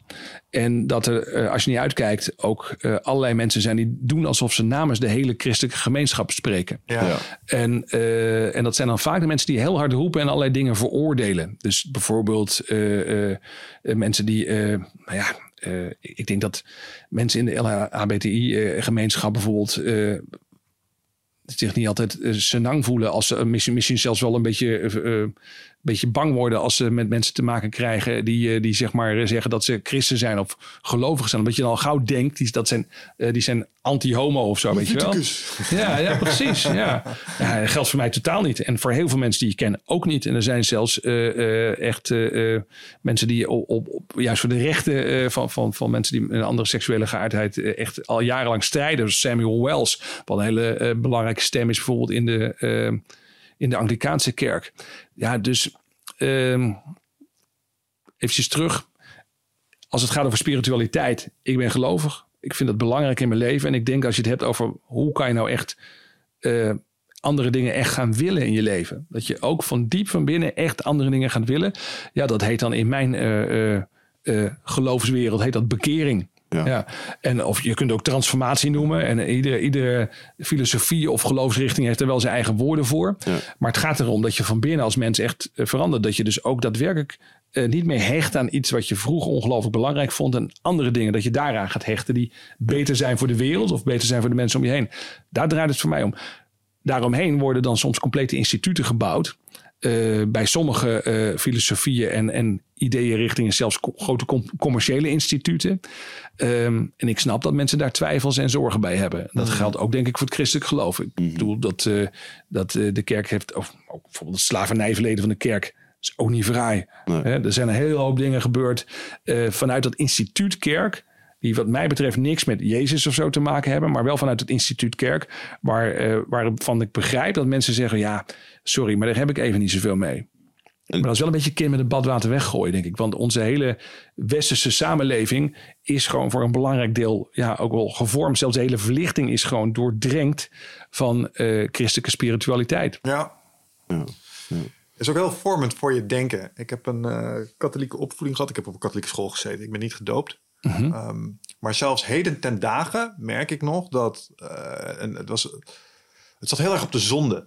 En eh, z- zelfs nu kan ik me nog soms druk maken. Of de, druk maken. En dan denk ik, oh, dit is eigenlijk conform wat, ik, wat me vroeger is verteld. Hier zit een Ja. soort oordeel op. Ja, maar dat, dat- ja. En ook daar denk ik dat een soort kind met badwater eh, eh, probleem eh, eh, ligt. Hè? Want eh, het zou toch heel goed zijn als we allemaal individueel eh, af en toe eens de tijd namen om na te denken over onze eigen gebreken. Ja, nee, 100%. Ja, hè, dus eh, het menselijk gebrek, het menselijk tekort, eh, dat je motieven lang niet altijd zuiver zijn. En dat onderzoeken bij jezelf, dat is waar het bij zondebesef in de christelijke leer om draait. Ja, als dat vervolgens geïnstitutionaliseerd wordt en er is een pastoor of er is een dominee en die staat zonder dat je iets mag terugzeggen, jou de maat te nemen, ja, dat is heel vervelend. Psychologisch ook heel lastig. Maar, Nou, voor- maar, maar zondebesef zou voor de wereld misschien wel goed zijn. Ja, In het algemeen, ja. Nee, dat denk ik ook. Maar ik heb best wel veel theologische discussies gevoerd. Ook met een voorganger van de Pinkstergemeente. Die hier ook in de podcast is geweest. Oké. Christian Tan. En, Ja. en wij zijn best wel vaak de diepte ingegaan. En onder, onder de streep was zijn boodschap altijd... Gast, ik wil zo graag dat je meegaat naar de hemel, dude. Weet je wel, dit is waarom ik hier zo op loop te hameren bij je. Maar ik ben in mijn leven heb ik compleet andere keuzes gemaakt. En, en dat, daar denk ik dus soms nog aan. En, en dan vraag ik me wel eens af, nou oké, beïnvloedt dit nou mijn, mijn levensgeluk? Nee, niet helemaal. Maar er zit wel iets in de, in de fundamentele vorming. Waar ik een soort van stapje van weg heb genomen. En dat is eh, zeg maar, Ja. to your point, dat het zo doordrenkt is eh, in alles. En dat dat soms ook wel moeilijk is om dat eh, te ontsnappen. Kijk, een voorbeeld van eh, tussen Wigert en mij is. Toen ik de eerste keer ayahuasca ging doen, Ja, was ik heel bang om demonen tegen te komen. Oké. ja, dat idee? dat is- dat- dat een soort- jij denkt altijd over demonen. Waarom denk je over demonen? Ja, met. Is, nagedacht. toch iets met, is dat iets met Ja, paddenstoelen? ja, ja, Ja, ja, ja, psychedelisch ja, middel. Oké, Ja. ja. Ja. En, en eh, als je dan denkt aan Christian Tan, die zegt: Gast, dat is hekserij. Jij hebt zojuist je ziel eh, echt ernstige schade berokkend. Terwijl het heeft mij echt heel Ja. erg veel gebracht. Maar ik was toch altijd een beetje die angst van: Oeh, heb ik nou iets kwaadaardigs aangeraakt of zo? En dat bedoel ik met: Het is best wel vormend Ja. voor hoe sommige dingen worden benaderd. En dat heeft soms nog invloed op de status die het krijgt. Ja, snap ik wel een klein beetje. maatschappij. Ja, snap ik wel een beetje. Ja. En wat, wat natuurlijk ook wel geldt. eh, ehm, kijk, het hangt er ook een beetje vanaf waar leg je de nadruk op in het christelijk geloof. Ehm, ik denk dat een van de belangrijkste kernpunten het christelijk geloof dat, geloof dat dat vergeving is. Ja. En vergeving draait er dus ook om dat je gewoon iedere dag weer opnieuw kunt beginnen. En eh, da- daar zou ik bijvoorbeeld eerder de nadruk op leggen dan op de zonde. Dus als je bijvoorbeeld met mensen in gesprek zou- zou, gaan en mensen zouden zeggen, nou ja, ik heb zo'n spijt over dat dit is gebeurd. Of we maken er in de wereld met elkaar een potje van. Of hè, dus allemaal menselijk gebrek wat je Ja. ziet bij jezelf en in de wereld om je heen. Ja, dat is waar, dat klopt. Maar het is niet het einde van het verhaal. Einde van het verhaal, of misschien wel het begin van het nieuwe verhaal is, is dat je kunt zeggen: Oké, maar we kunnen vandaag gewoon opnieuw beginnen. En daar is de Bijbel van doordrenkt. Het begint iedere keer weer opnieuw. En eh, dat is ook een beetje de kernboodschap waar, waar het bij Jezus om gaat, tenminste, eh, zoals ik het lees. En eh, ja, dat is een hoopvolle boodschap waar mensen. grappig is, het was een tijdje geleden bij. eh, eh, kom, help me even. Wat is ook weer? Brits-Zwitserse filosoof, oprichter van de School of Life. Alberton Le Beton. De, ja, ja, ja. Oké, Ja. ja. call me Ja, impressed. Dit ja. had ik gewoon niet getrootst. Dankjewel. Dat is super. Ik heb ook een bijdrage geleverd. Alain de Botton gaf een lezing in Utrecht. Een grote groep mensen. En op een gegeven moment aan het eind van het verhaal zegt hij... Ja, ja, waar we naartoe moeten misschien is toch iets... Ja, wat, wat mij toch steeds meer eh bekruipt. Het gevoel, we moeten elkaar kunnen vergeven. Vergeving is volgens mij waar het om draait. Ik denk van ja... Heel goed idee, maar het bestaat al 2000 jaar en je hebt niet zelf bedacht. Eh, dat, dat, is, dat is een klein beetje hoe ik hier naar dit soort dingen ook kijk. Van, we zijn vaak heel lang bezig om iets te vinden wat juist in de grote spirituele tradities eh, en ik zoek dat dan in de christelijke tradi- traditie, maar eh, waar al hele goede gedachten over zijn gevormd. En eh, we moeten dat niet te gauw weg, weggooien. Ik bedoel, ja, die kerk heeft veel dingen verkeerd gedaan. Dat is waar, hè, allemaal waar. Maar dat zegt niks over wat daar aan goede gedachten onder zit. Wat ik, ja, wat ik een mooie eh, filosofie vind, is de, de puurheid waar het christendom uit is ontstaan. Hè, Dus de echt aan het begin. Toen we dan begin, niet de hele instituten die later helemaal ontstonden en alle, weet ik van wat er allemaal nog weer bij kwam, positief en negatief, maar gewoon puur de kern van, van, van dat idee inderdaad. Goed, goed mens zijn, goed voor jezelf zorgen, goed voor je medemens. En uh, ik, ik denk dat dat helemaal een soort van ja, mensen zijn daar weer hun eigen dingen mee begonnen, hebben daar weer een eigen dingetje mee gemaakt. En dan kom je weer op dat korte termijn uh, gedrag. Dus op heel veel plekken is het een staatsgodsdienst geworden. En moest je het zijn. En anders ja. dan had je geen toegang tot, tot allerlei beroepen bijvoorbeeld. Nou, dat is natuurlijk bizar. Dat, is, dat, is, dat kan nooit de bedoeling zijn geweest. Dus als er iemand was die juist tegen instituties streed, was dat, uh, was dat Jezus zelf. Ja. Die, die nam eigenlijk vooral, uh, die, die bond voortdurende strijd aan met de religieuze machthebbers van zijn tijd. Volgens mij was het enige moment dat hij geweld heeft gebruikt toen hij tegen de gevestigde orde op de markt in, waar was het ook alweer, alles omver aan het gooien In de was. tempel, ja, dat er een enorme geldhandel plaatsvond. Uh, ja, omdat uh, het oneigenlijke instituties waren. Ja. ja. Dat is de enige keer dat hij gewelddadig is geweest. Ja, en dat is, dat is geweldig. Gooi een paar tafels om. Ja, ja maar voor zijn doen was dat zeer extreem. Er staan, er staan nergens die verhalen en die tafels vielen volgens op de voeten van mensen en dat deed heel erg pijn. Dat staat ja, nergens. Nee, nee, nee. en, en, heb jij dan in jouw, uh, want je, als je nu dingen op het podium vertelt, dan laat je jouw assistent checken op waarheidsbevinding. Klopt dit ja of niet? Uh, maar je moet ook een keertje gedacht hebben van oké, okay, dit wat ik nu eigenlijk geloof. Is dat waar? Is het intellectueel acceptabel? Jazeker, ja. ja. ja. En nou is natuurlijk het lastige eh, in het soort research waar ik over praat in mijn werk, kan je dingen empirisch toetsen. Maar dat is een vorm van zoeken naar waarheid die niet goed werkt bij religieuze tradities. Want uh, je, je kunt niet meer empirisch uh, op een of andere manier achterhalen of waarnemen wat 2000 jaar geleden is gebeurd. Mm -hmm. Dus dan moet je dat op een andere manier doen. Dan heb je historische uh, methodes voor of literaire onderzoeksmethodes om te kijken van nou. Um, de manier waarop dat bijvoorbeeld die evangelieën zijn opgeschreven, was het nou anders dan wat in die tijd gebruikelijk was?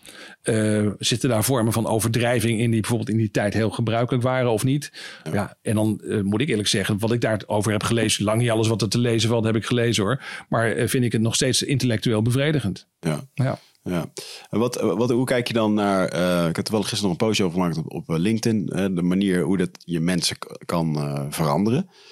Um, heb ik twee voorbeelden van. Eentje is de 1 de één graden koerswijziging. Ja. Dus we geven jou een tool. Iedere ochtend maak je voortaan een checklist met de drie belangrijke dingen die je moet doen. Nou, dat kan men met een beetje wilskracht en, en daadkracht kan men dat doen. Waardoor er over een jaar echt een hele verandering in mensen hun leven kan ja, plaatsvinden. Zo een beetje verhaal van Atomic Habits. Ja, ja. ja. ja. Uh, maar vaak is dat toch op wilskracht. En als er meer bij komt, is dat lastig. Um, en dan vervolgens, om een goede manier om te veranderen, um, is uh, de transformatie. Mm -hmm. Dus een diepere laag in je bewustzijn, waarbij je in één keer een andere perceptie krijgt op zaken waarvan je denkt dat je eigenlijk niet meer die wilskracht per se nodig hebt, maar dat het echt een diep geloof wordt vanuit binnenuit van nu heb ik het gezien, nu ga ik het doen. Is in mijn ogen veel duurzamer, ja. maar veel lastiger om bijvoorbeeld te bewerkstelligen op bijvoorbeeld een MBA in een dag. Want nou ja, in de mensen... traditie waarin ik geloof, moest iemand daarvoor eerst uh, sterven en dan na drie dagen weer opstaan. Dat is wel heftig. Ja, dat, ja. Uh, dat, is, ja. ja. dat is wel interventie. Ja, ja. Uh, maar bijvoorbeeld, uh, want we hadden straks over onderzoeken waar ik een groot fan van ben, is Joey Dispenza. Hij heeft ook zo'n boek geschreven, You Are the Placebo. Ik was ook heel erg benieuwd hoe je, hoe je als je het hebt gelezen. Ik zeg maar niks. Nee. Oké, okay, nou hoe je denkt over zijn wetenschappelijk onderzoek. Want hij doet, hij doet dat dus zelf. En daar moet je ook altijd je vraagtekens bij zetten. En ik wil dat heel graag geloven wat hij zegt, wat dat waar is. Ja. Hè, door mensen in een diepe staat van meditatie te brengen. Uh, en daar het gevoel te veranderen. Uh, dus het gevoel wat je volgens hem kan veranderen door daar lang genoeg in te zitten. Klinkt als CTA, man. Cognitieve uh, gedragstherapie. Ja, maar dan op een diepere laag. Ja, okay. En hij heeft er allemaal ja. mooie hersenscans en dingen maar, bij. Het begint en, altijd een beetje aan mij als mensen zeggen, maar dit is op een diepere laag. Hmm. Want dan, dan, dan ga je al een soort hiërarchie in. Hè? Dan ja. worden dus al een, zeg maar, wat Nietzsche waarschijnlijk zou zeggen, een, een soort machtsspel wat je aan elkaar, met elkaar aan het spelen bent. Dus dan zeg ik bijvoorbeeld, nou, het is handig om je gedrag te veranderen en bijvoorbeeld een soort lijstjes te gebruiken, zoals jij dat noemt. En dan komt er iemand anders voorbij die zegt, ja, dat is interessant, maar ik heb een diepere oplossing.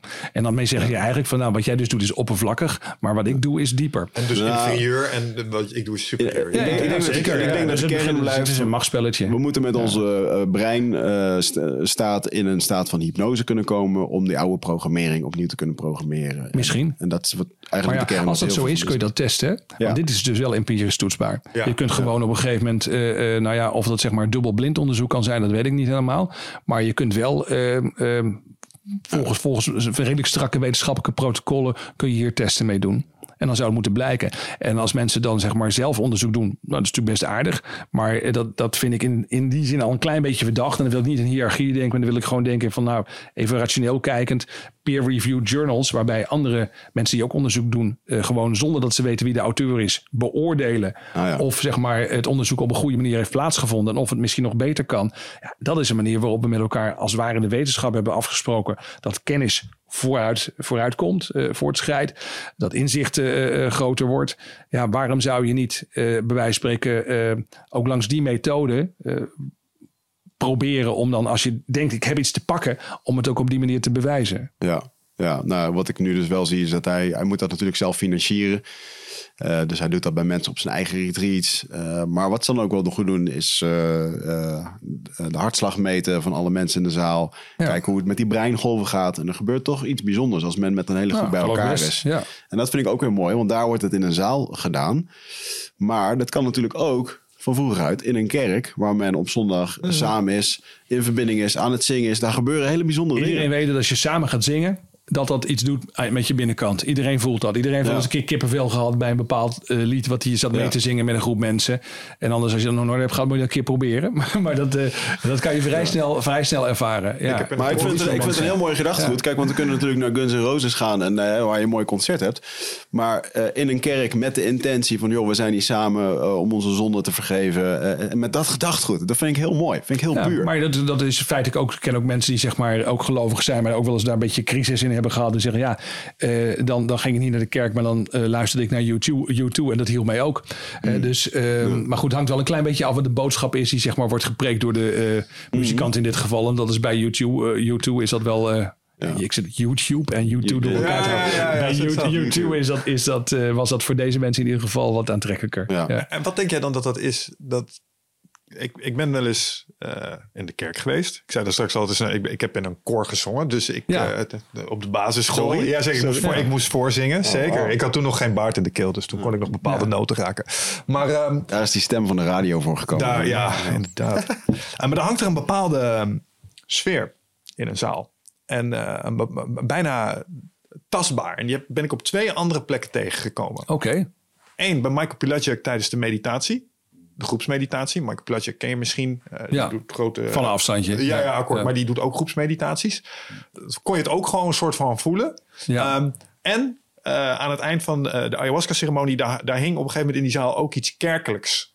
Ja. Ik weet niet helemaal wat dat... Ik kan dat niet duiden. Misschien is het de ervaring die ik gehad heb of zo. Verbinding, jongen. Het is gewoon een verbinding. maar het is bijna tastbaar wat er hangt. ja. Ja, Is dat iets wat je herkent? Eh, Van als, vanuit je voorgangersrol? Eh, nou, voorgangers. Kijk, ik, ik, ga, ik spreek af en toe bij een gastendienst. Hè, dus Oké, dan moeten we wel even, even realistisch in Niet zijn. elke zondag sta Nou, jij in je... En ik zit veel meer aan die eh, ouderwetse protestantse eh, orale traditie. Waarbij het gaat om gewoon wat iemand zegt. eh, en het gewoon inhoudelijk een betoog. eh, met een paar punten waar je over na kunt denken. Gij zult niet stelen. Nou, nee, ja, of, of gij zult wel goede dingen doen, bijvoorbeeld. Ja, ja, ook- ook ja. prima. Ja. Nee. nee, maar wat, ja, nou goed. En trouwens, we moeten ook niet stelen. En zeker niet van Nee, mensen die weinig nee, hebben. En dat nee, gebeurt natuurlijk over de hele wereld. Maar goed, dat is wel een ander verhaal. Ja. Ehm, nee, ja, misschien. misschien ik, ik, ja, ik, kijk, ik ben misschien ook niet zo'n vreselijk gevoelsmens. Dat zou ook kunnen, hè? Ik bedoel, een goede vriend van mij zegt wel eens van ja, zegt hij, ja, mensen maken al hele discussies over, theologische discussies en zo. Eh, van, van moet je nou bij het zingen eh, klappen en met je handen in de lucht, of moet je juist eh, dat, dat niet doen? Zeg maar, dat zijn helemaal geen theologische discussies. Dat zijn gewoon verschillende typen mensen. Je hebt gewoon mensen die klappen gewoon graag. Nou, die, die gaan naar een evangelische kerk. En je hebt mensen die houden niet van klappen. Nou, die gaan dan bijvoorbeeld, weet ik veel wat, naar de, de Presbyteriaanse kerk of zo. Ja. Ik vind het prima. Ik vind het eigenlijk wel heel leuk eh, om er zo naar te kijken. Want ik denk eerlijk gezegd dat eh, als je al gaat discussiëren over de vraag of je wel of niet mag klappen in de kerk. daar word ik helemaal gestoord van. Dat, zijn, dat gaat bij mijn idee helemaal nergens over. Eh, en, en, dat, en, en realiseer nou gewoon dat jij door je leergeschiedenis waarschijnlijk, hè, dus wat jij in je leven zo al hebt meegemaakt, dat jij waarschijnlijk meer het klappende type bent of minder klappen. Hè? Nou, ja. Toch types, hè? Toch hokjes. Beetje, Ja, beetje, Maar goed, maar Maar dan met, met humor. Ja. Ja, mooi. Ehm, Oké.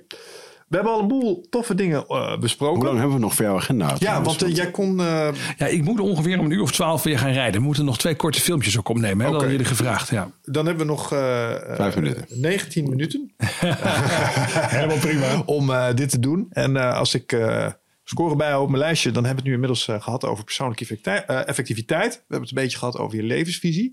Maar het onderwerp waar je al een paar keer ook over gesproken hebt, waar je misschien nog wat mee is in doet, is leiderschap. Ja. Dus ehm, groepen mensen, tenminste, nou, nou, laten we beginnen bij het begin. Hoe, hoe zou jij leiderschap definiëren? Ehm, leiderschap, ik, ik, ik, kijk er langs twee dimensies naar. Oké. Eh, je moet leiding geven uh, aan jezelf ja. en leiding geven aan anderen. Uh, dat is of je moet, maar dat is als we het hebben over leiderschap in onze cultuur en onze maatschappij, draait het vaak om die twee dingen. Ja. En leiding geven aan andere mensen gaat het dan om dat je een groep mensen hebt die samen met jou naar een bepaald doel wil toe bewegen. En jij helpt, ondersteunt, support, beïnvloedt die mensen om samen dat doel te bereiken. Ja. Maar om dat te kunnen doen, ja, het belangrijkste instrument daarbij is je eigen gedrag. En dat moet je dus sturen. En dan moet je dus op een gegeven moment ook nadenken over de vraag: maar wat vind ik dan relevante doelen überhaupt? En dat heeft allemaal te maken met dat persoonlijke leiderschap. Dus leiding geven jezelf, leiding geven aan anderen. Maar een andere dimensie is dat er, uh, er zit een zaak en een menskant aan, of een werk en een menskant. En dat is ook trouwens in de leiderschapsliteratuur al, al uh, decennia lang, hè, dat die, dat die dimensies uh, worden, worden onderzocht en iedere keer weer wordt gevonden. Ja, dat je zult als leider beide dimensies gewoon of beide aspecten in de gaten moeten houden. Dus dat betekent dat je uh, uh, je realiseert dat je met andere mensen werkt en dat er iets van vertrouwen moet zijn. Ja. Uh, dat je echt oprechte aandacht voor die andere mensen hebt. Dat je luistert naar wat ze te zeggen hebben. dat, je, dat, je, dat je ze waardering geeft voor wie ze zijn. En aan de andere kant, ja, we komen bij elkaar, in ieder geval in de werkomgeving, om ook deadlines te halen, dingen te maken. Ook wij hebben met elkaar een podcast te maken vanmorgen. Ja. Je kijkt je horloge, zegt ik heb nog 19 minuten. En dat is de werkkant van de zaak. Um, dus die vier vakjes die daardoor ontstaan, leiding geven aan jezelf, leiding geven aan anderen en de werkkant en de menskant. En dan krijg je vier kwadranten. Uh, dat, dat is hoe ik tegenwoordig, uh, als ik seminars geef, naar leiderschap kijk. En dan wat zit er dan in die vakjes? Uh, kun je natuurlijk allerlei inzichten, ideeën, whatever kun je erin stoppen. Ik kijk vooral naar routines. Wat zijn nou concrete dingen die jij kunt doen in die vier vakjes, uh, die helpen om uh, het achterliggende doel ook, ook werkelijk te realiseren.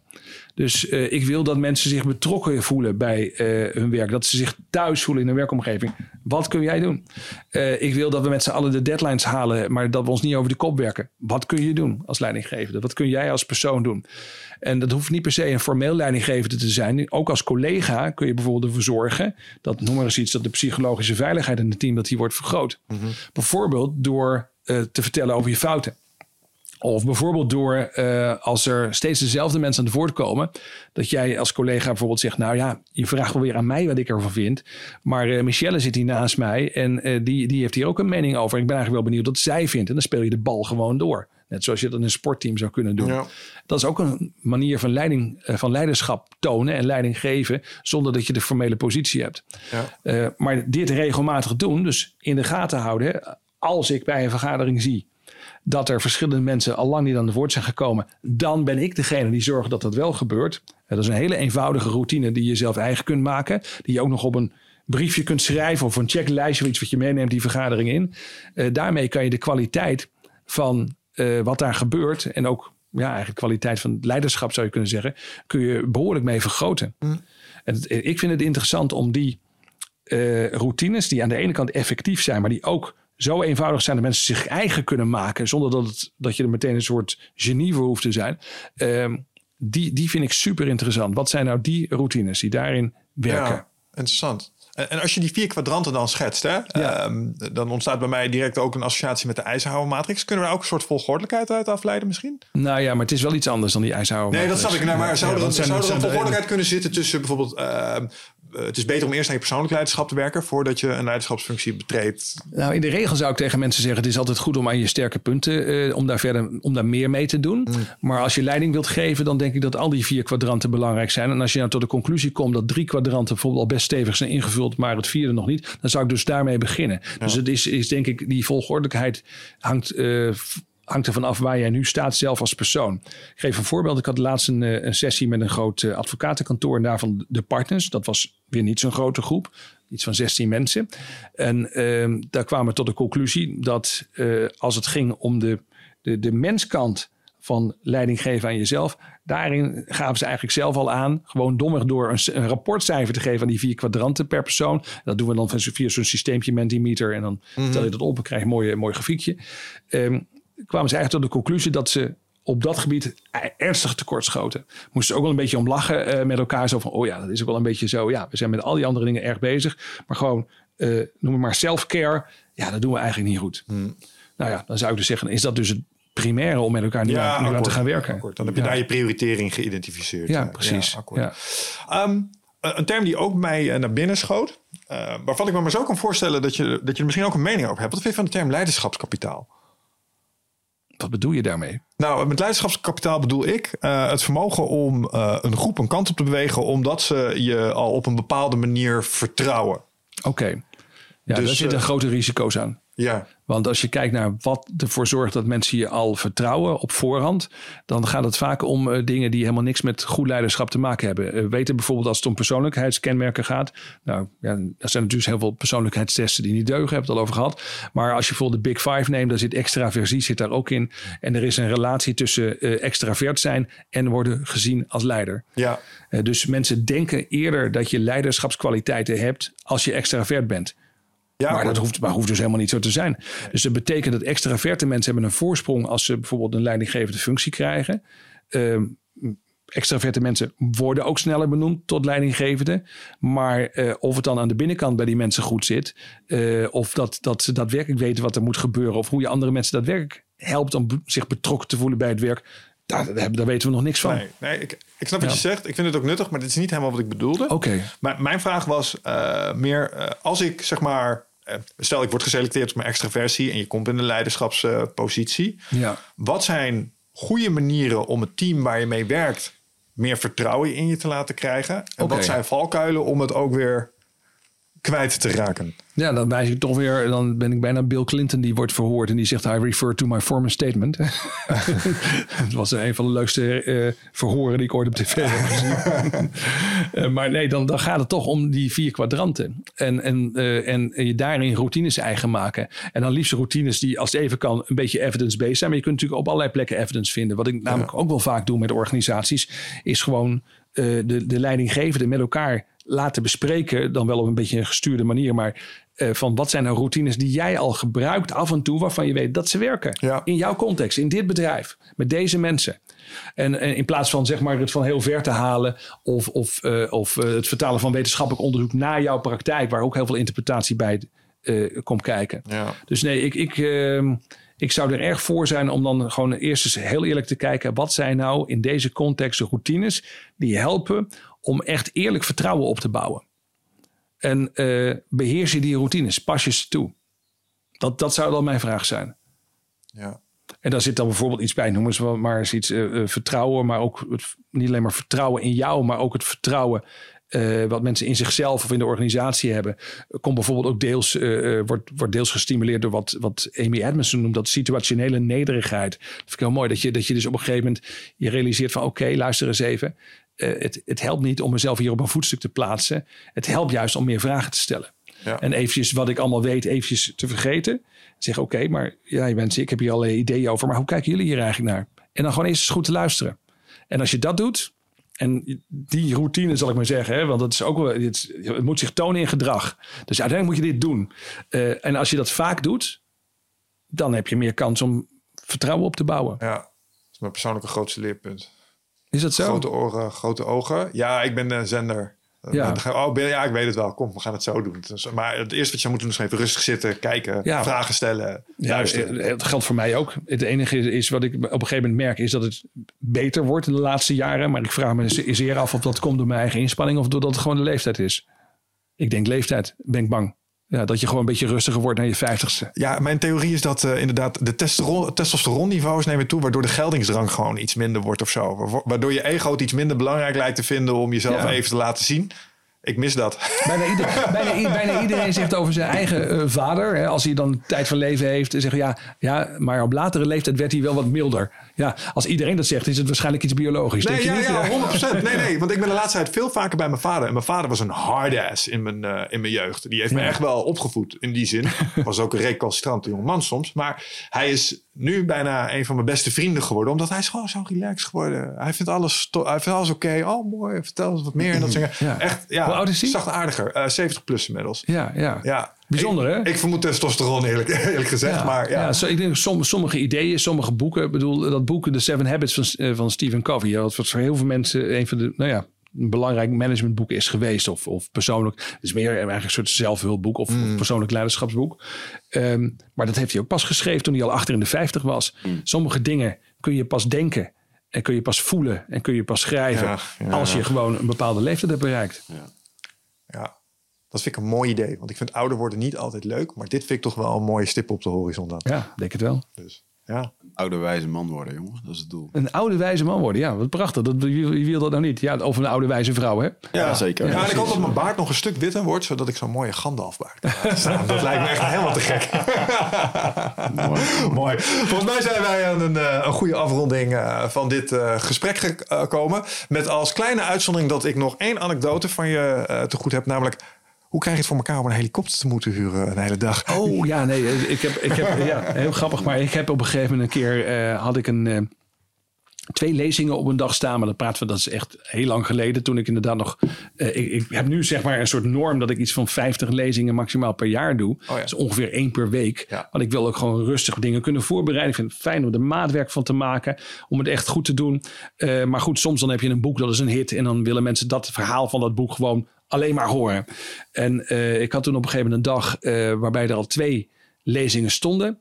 En toen kwam er een partij bij en die zat er nog een beetje echt lag uit de route. Die zei, maar ja, als hij nou s'morgens daar spreekt en hij moet s'avonds daar spreken en wij regelen een helikopter. eh, zou die dan tussendoor toch bij ons kunnen komen? En toen zeiden we tegen elkaar, mijn assistent en ik, van nou ja, misschien is dat wel een keer leuk om mee te Dat maken. zou ik toch toen zeker zijn we met een, doen, ja. eh, er konden ook nog een paar mensen mee, dus er is wat familie meegegaan. En dat was zeker de moeite waard. We zijn van eh, Eelde naar Rotterdam, naar Bussum gegaan die dag, door de lucht. Gek. En eh, het is buitengewoon leuk om Nederland een keer zo vanuit de lucht te zien. eh. Ja, zeker. Echt de moeite waard. Het is ook heel merkwaardig dan, want je met een helikopter, als je het van tevoren regelt, mag je op allerlei plekken landen. We landen in het park bij de Euromast in Rotterdam, eh, vlak ernaast. Nou, dan gaan er allemaal mensen kijken. Ja, Wie ja, stapt ja. daaruit? Hè? En toen waren ze toch teleurgesteld. Het was totaal onbekend. Tom Cruise. Nee, het is Ben. Eén keer meegemaakt, maar wel leuk. Ja, oh, te gek. Nou, dankjewel. Ik wilde het nog eventjes weten. Wigert, heb jij nog ehm, vragen? Nee, ik ben helemaal voldaan. Dankjewel dat je er was. En, eh, Maar mooi om hier te zijn. Het werd Ja. gaandeweg een steeds mooier gesprek, vond ik. Zo gaat Ja. het, hè? Absoluut. Ja, dat, dat- dat is waarom we de deep format zo tof vinden. Het eerste uur is altijd toch ook even een klein beetje de standaard dingetjes doen. En dan daarna komen de echte toffe dingen. Dus, Ja, eh, toch wel, hè? Ook Ja. hier weer. Mooi. Nou, mooi. Fijn dat je er was. Eh, echt een fantastische vink om te zetten. Eh roadmap werk voor ons. En eh, luisteraars, jullie ook weer bedankt. En tot de volgende keer. Tot de volgende. Ciao.